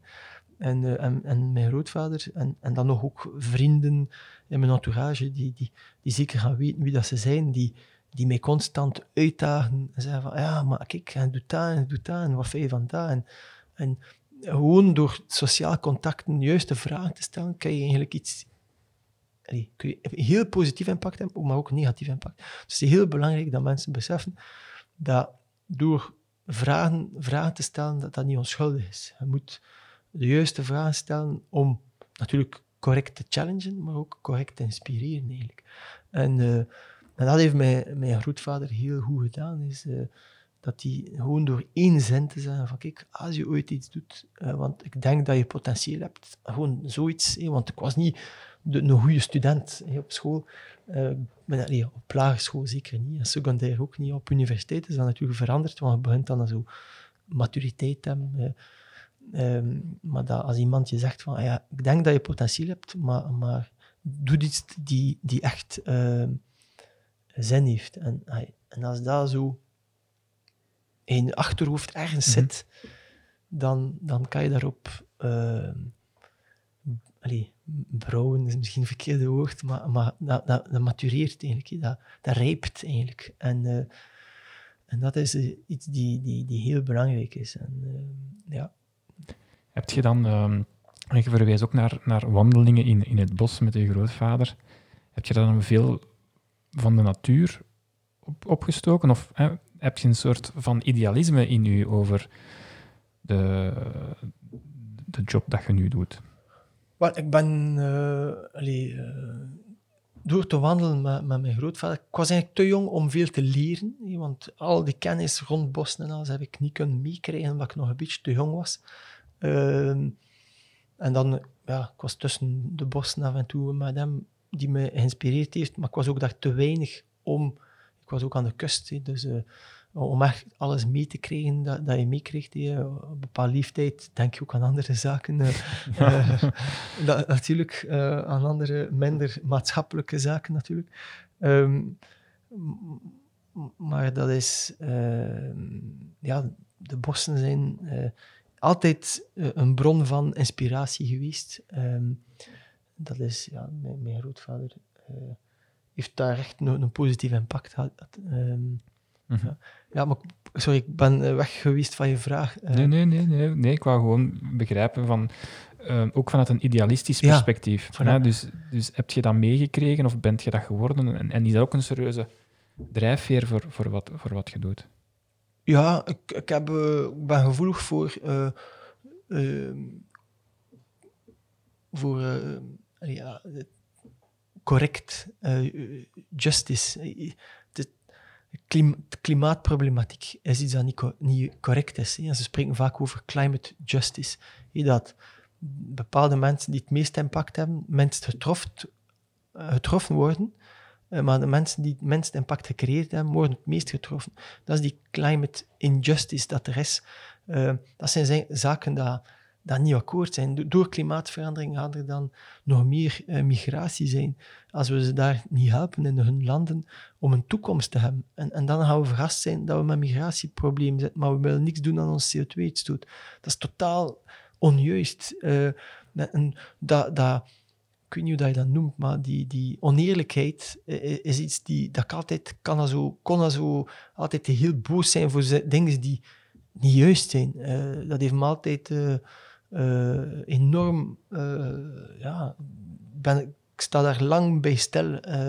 Zo van, ah, hoe is dat mogelijk en, en, wat kan ik gaan doen? En vaak dat is zo de, de conclusie is, ah, wat kan ik doen? En als je zo arme mensen ziet in de straten, als, bon, af en toe kun je ze ook niet helpen, maar, maar, maar, maar, op milieu- en klimaatvlak dacht ik, daar, daar kan ik echt iets aan doen. en het is ook, ja, positief impact. Uh, dus idealisme, zeker. Want wat dat wij doen zonder idealisme, kan je eigenlijk niet doen. Uh, wij doen dat 14 jaar, uh, elke dag op de fiets, in de trein, naar klanten toe rijden en dergelijke. In de trein kunnen wij werken, dus we winnen tijd. We doen fietsen, zo moeten we niet naar de fitnesszalen.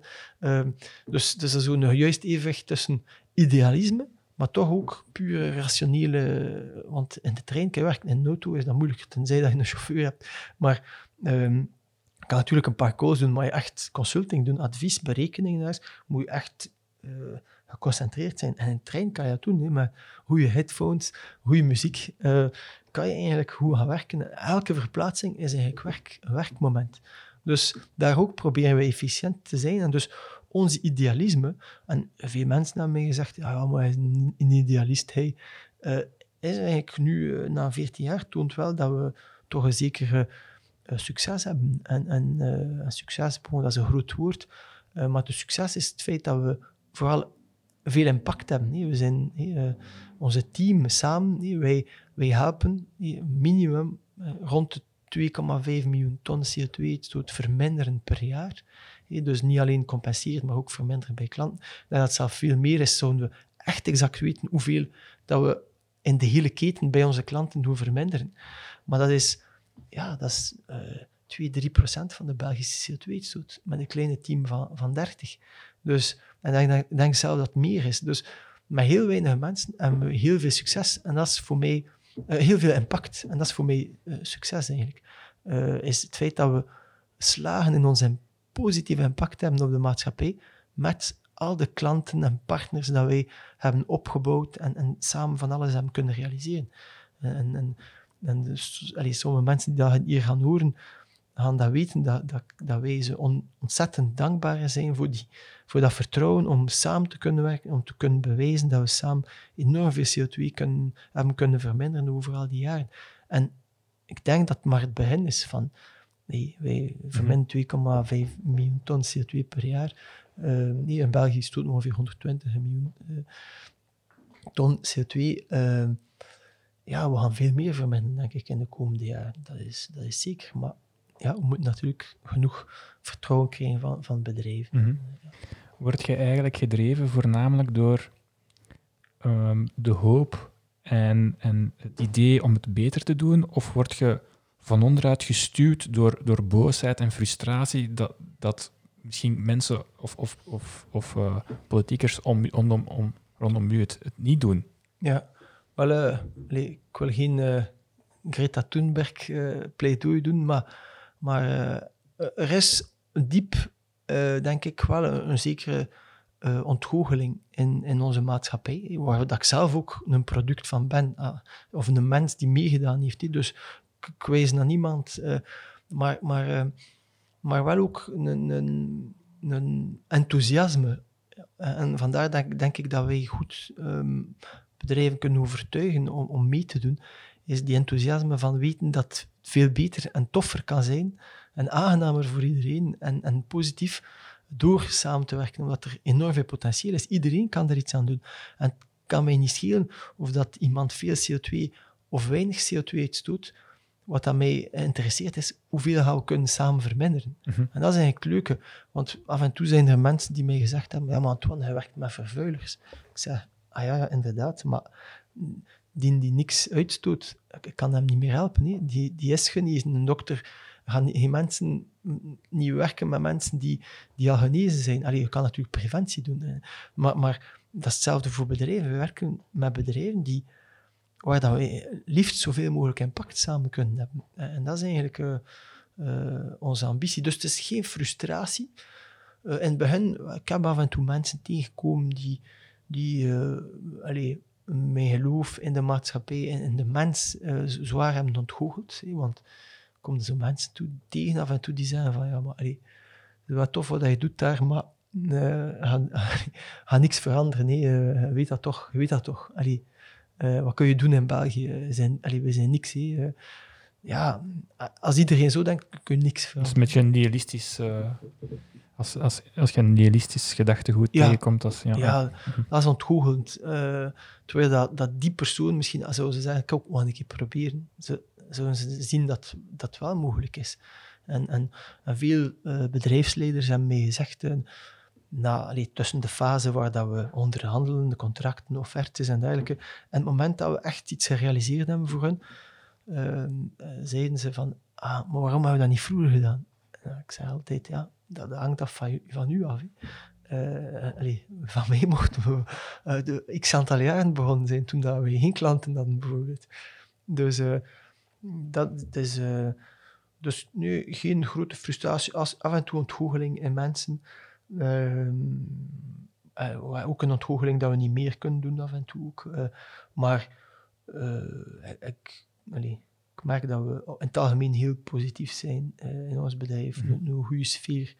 Uh, het is natuurlijk vermoeiend uh, na 14 jaar zo, eh, omdat je heel geëngageerd bent en, en je ziet dat. Allee, wij hebben 500-tal klanten. Ja, in België zijn er 15.000 bedrijven of meer. Ik ken de cijfers niet, maar ja, er is nog heel veel werk. Dus, ja. ja. Um, je hebt je ook persoonlijk uh, geëngageerd in de, de, lokale politiek. Ja, ja. Van, van, van, waar uh, die beslissing?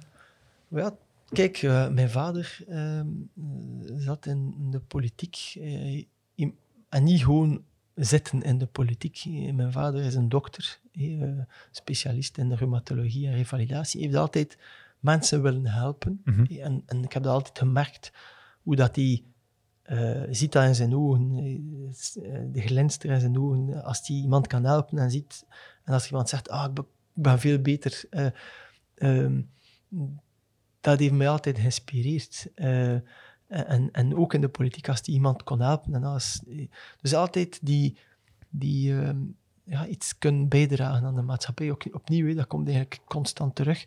Maar mijn grootvader was ook, is ook minister geweest een paar keer, in de jaren zeventig. Uh, en en uh, is, is met hetzelfde moment als Herman de Croo, de school, dus opvoeding,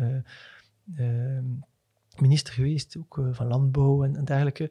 En ja, de discussies dat we hadden als klein was aan tafel rond problematieken, rond maatschappelijke uitdaging, problemen, hoe kan je dat oplossen en dergelijke.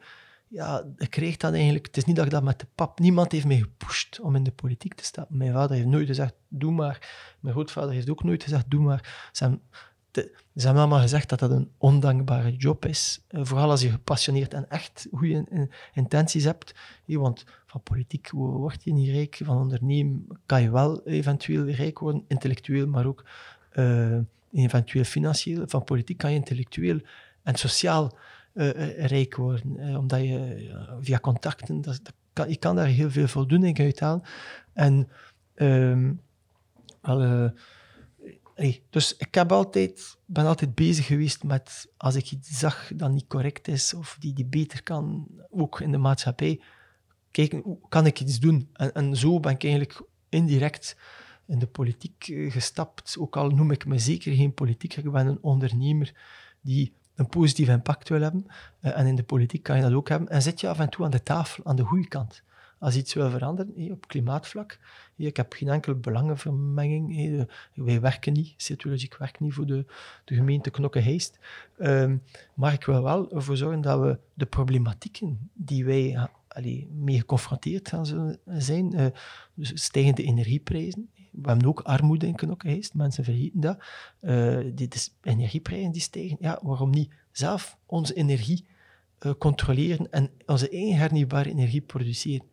om zo de prijzen te doen stagneren. Waarom niet ons eigen water, eh, omdat we, zitten met droogtes meer en meer, waarom niet ons eigen water produceren op basis van zeewater, maar als je dat, dat veel energie vraagt, opnieuw, waarom niet ons eigen hernieuwbare energie produceren? Ehm, en dan heb je mobiliteit, veiligheid voor de kinderen die naar school willen gaan met de fiets. Als je niet wilt dat iedereen zijn, zijn klein op de, de speelplaats gaat parkeren, uh, liefst, dat, zou er iets gebeuren en alles. Maar ik begrijp dat. Eh, iedereen is bezorgd voor de veiligheid van zijn klein. Als die niet op een veilige manier naar school kan gaan, ja, dat is een stress voor elke ouder. Dus ervoor zorgen dat er genoeg fietspaden zijn, dat er minder en minder hun kinderen dan de kinderen naar school brengen met de wagen, omdat dat dan een lokale vervuiling creëert. Voor, want als je zo ouders in de winter die een motor aanlaten en dan wachten op hun kinderen een kwartier op voorhand al de motor laten, ze komen daar allemaal toe. Of voor de kindjes af te zetten, uh, daar ook, en dan laten de motors draaien, dan is heel die omgeving, vooral als er geen wind is, ja, heb je pollutiepieken. Ja, dat komt binnen in de klassen, dat, komt, dat is op de speelplaats. Dus dat zijn allemaal zaken alles is eigenlijk met elkaar verbonden. En ik probeer eigenlijk de ervaring dat ik heb bij Ceatologic, eigenlijk in Knokkenheest, eigenlijk uh, mee te geven van kijk, we moeten onafhankelijk worden op energievlak, onze eigen energie produceren, om de prijzen onder controle te houden, liefst met participatie van de burgers, zodat ze zelf hun energie, uh, de kosten en eventueel de dividenden die daaruit komen, kunnen herinvesteren in meer hernieuwbare energie, in betere zaken, in betere mobiliteit, uh, en ervoor zorgen dat mensen trager rijden voor veiligheid. Allee, er zijn zoveel zaken waarop dat je een positief impact kan hebben als je aan de kant van de medebeslissers zit. Ik zit gewoon in de gemeenteraad, nog niet, of niet in de uh, college. College is eigenlijk waar dat de echte beslissingen genomen worden. Ik zit gewoon in de gemeenteraad. Ik, geef, ik deel mijn ervaring en mijn advies op milieu, uh, energievlak en andere zaken, zoals pesticiden in de landbouw die rond de gemeentes uh, gespoten worden. Uiteindelijk komt dat in de voeding terecht, komt dat in onze lucht. Uh, ja, alles is met elkaar verbonden. En ik wil echt proberen te voorkomen dat er in vakjes gedacht wordt. Nee, dus landbouw is apart, ehm, mobiliteit is apart, energie is apart. En dan moet eigenlijk, we moeten een holistische benadering van steden en gemeenten voor de toekomst. En, en, en zo ben ik een beetje in de politiek geraakt, ook omdat uit gesprekken uh, met onze burgemeester, uh, Leopold Leppens, hem heeft eigenlijk mij opgebeld en gevraagd van, ah, zou je niet wel op de lijst staan? Uw vader stond erin, dat zou ook nog helpen en dergelijke. Maar we hebben jeugd nodig en die nieuwe visies hebben op vlak van duurzaamheid, dat is ook allemaal belangrijk. Onze burgemeester, iemand die heel gevoelig is voor natuur en, en dergelijke, ook meegekregen in zijn familie. En, en op lange termijn denken. Want dat is een beetje het probleem vandaag in onze politiek. Mensen denken na op vier, vijf jaar om, om herverkozen te worden, als dat professionele politiekers zijn. Gelukkig in hebben we weinig professionele mensen die alleen maar dat doen. Dat zijn mensen die ondernemen en, en die... Uh, um, en dus een beetje op langer termijn denken. Maar je zit dan ook vaak minder populair als je moeilijke kwesties aankaart. Mhm. Zoals, zoals zeggen, van, kijk, eh, als je minder lokale vervulling hebt, dat, weet je, één manier is met de huidige wagens is om trager te rijden. Dan verbruik je minder en dan heb je minder lokale vervuiling. Eh, dat is niet populair, traag rijden in, in, in steden en gemeentes. Maar bon, het is wel goed voor de veiligheid. Dus al die zaken moet je eigenlijk proberen op een objectieve manier, op basis van facts en figures, op tafel leggen. En, en dat is niet altijd gemakkelijk. Uh, we hebben ook een imago in Knokkengeest. Een beetje ja, de snops van de kust en al die dingen. Maar dat klopt niet. want, uh, dus je moet proberen een imago te geven naar je gemeente die, die meer overeen uh, stemt met de werkelijkheid. We hebben ook armoede in Knokkengeest. We hebben ook cultuur. En niet alleen maar... Allez, chique dingen. We hebben natuurlijk heel mooie winkels, we hebben fantastische uh, kunstgalerijen, toprestaurants, dat is allemaal... We hebben een unieke levenskwaliteit, dus dat hebben we. Maar we mogen ook een kant tonen van er is meer dan alleen het oppervlakkige en Bourgondische aan Knokkenheest. Er is ook natuur, er is ook cultuur, er is ook... Uh, en daar... Uh, en, en, en een soort evenwichtige maatschappij. Dat niet allemaal chic, dikke auto's en wat dingen. Mhm. Want dat is een imago die voor de jeugd die, opvoed, die, die opgroeit in Knokkenheest uh, vaak ook in de nadelen speelt. Uh, ik merk dat als ik uh, als Knokkenheest naar, naar school ging in Gent dan, op een bepaald moment. Um, ja, ah, hij had al een voordeel geplakt op jou. Ja, dat, dat geeft je niet dezelfde kans als iemand anders, omdat je al direct geficheerd bent als, ah, dat is zo in. Terwijl dat je misschien heel ja, dezelfde waarden hebt, maar hebt misschien een andere achtergrond. Maar we zijn gewoon anders uh, op basis van uh, één of twee punten, maar de rest, we hebben eigenlijk dezelfde waarden. En dat, dat belet bepaalde relaties die eigenlijk ja, problemen creëren dat we zouden kunnen voorkomen. Dus idealiter zou ik natuurlijk mijn ervaring willen kunnen delen, maar ook ervoor zorgen dat Knokkenheist een, een bredere, een positiever imago heeft, uh, naast het, het chique, die natuurlijk deel uitmaakt van ons DNA. En dat is essentieel om dat te behouden. Maar dat mensen ook beseffen van, er is meer. En daar ga je ook de juiste mensen aantrekken. Mensen die de juiste waarden hebben, die, die van natuur genieten, die, die respect hebben voor elkaar, uh, die natuurlijk ook genieten van lekkere dingen, van kwaliteit. Uh, en zo kan je ook een impact hebben op de landbouw. Zeggen van, ja, maar vanaf nu willen we bio bio-ingrediënten in de goede restaurants, meer en meer vegetarisch, omdat we dan minder impact hebben, ook minder vervuiling eh, in onze wateren en dergelijke. Alles is met elkaar verbonden. En, en, dat, is iets, dat is iets eigenlijk dat ik zou willen proberen te delen. Natuurlijk, in vergelijking met ondernemerschap. Uh, in Verandert trager. Veel trager. Uh, in een bedrijf, je zegt, kijk, we gaan dat en dat en dat doen. Hij doet dat, oké, dat op. En dat, dat, dat gebeurt. In een gemeente ja, dat is een beetje trager. Dat is natuurlijk uh, ja, een beetje minder leuk. Maar, maar, anders is dat wel super, want we hebben een heel goed team. Uh, ook mensen die gepassioneerd zijn. Dus uh, ja, hopelijk zo'n mm positief impact met, met, met de anderen hebben. Ja. Um, een, een, laatste vraag voor onze sessie af te sluiten. Mm. Wat zou ik u kunnen wensen voor 2021? Mm. Wel, ik denk, uh, en dat is een wens voor iedereen, uiteindelijk is een goede gezondheid. Ik denk dat uh, dat, dat de basis is van alles. Uh, it's often taken for granted, de goede gezondheid, als alles goed gaat. Stellen we ons geen vragen. Maar nu dat we beseffen dat, dat als de basis, dus een, duurzaamheid heb je people, planet, profit, wordt er gezegd.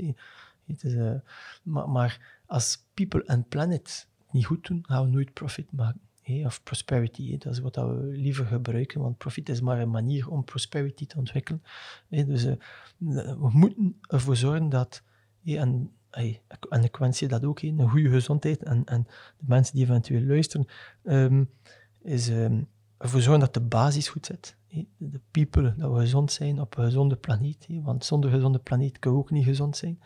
Die twee zaken goed, als je me dat mag wensen, dat, we, dat ik gezond mag zijn op een gezonde planeet, dan gaat de rest wel, wel komen. En uh, voilà, dat is wel... Uh, wat je mag wensen dan voor 2021. Voilà, bij deze. Ja, dank u. Dank u.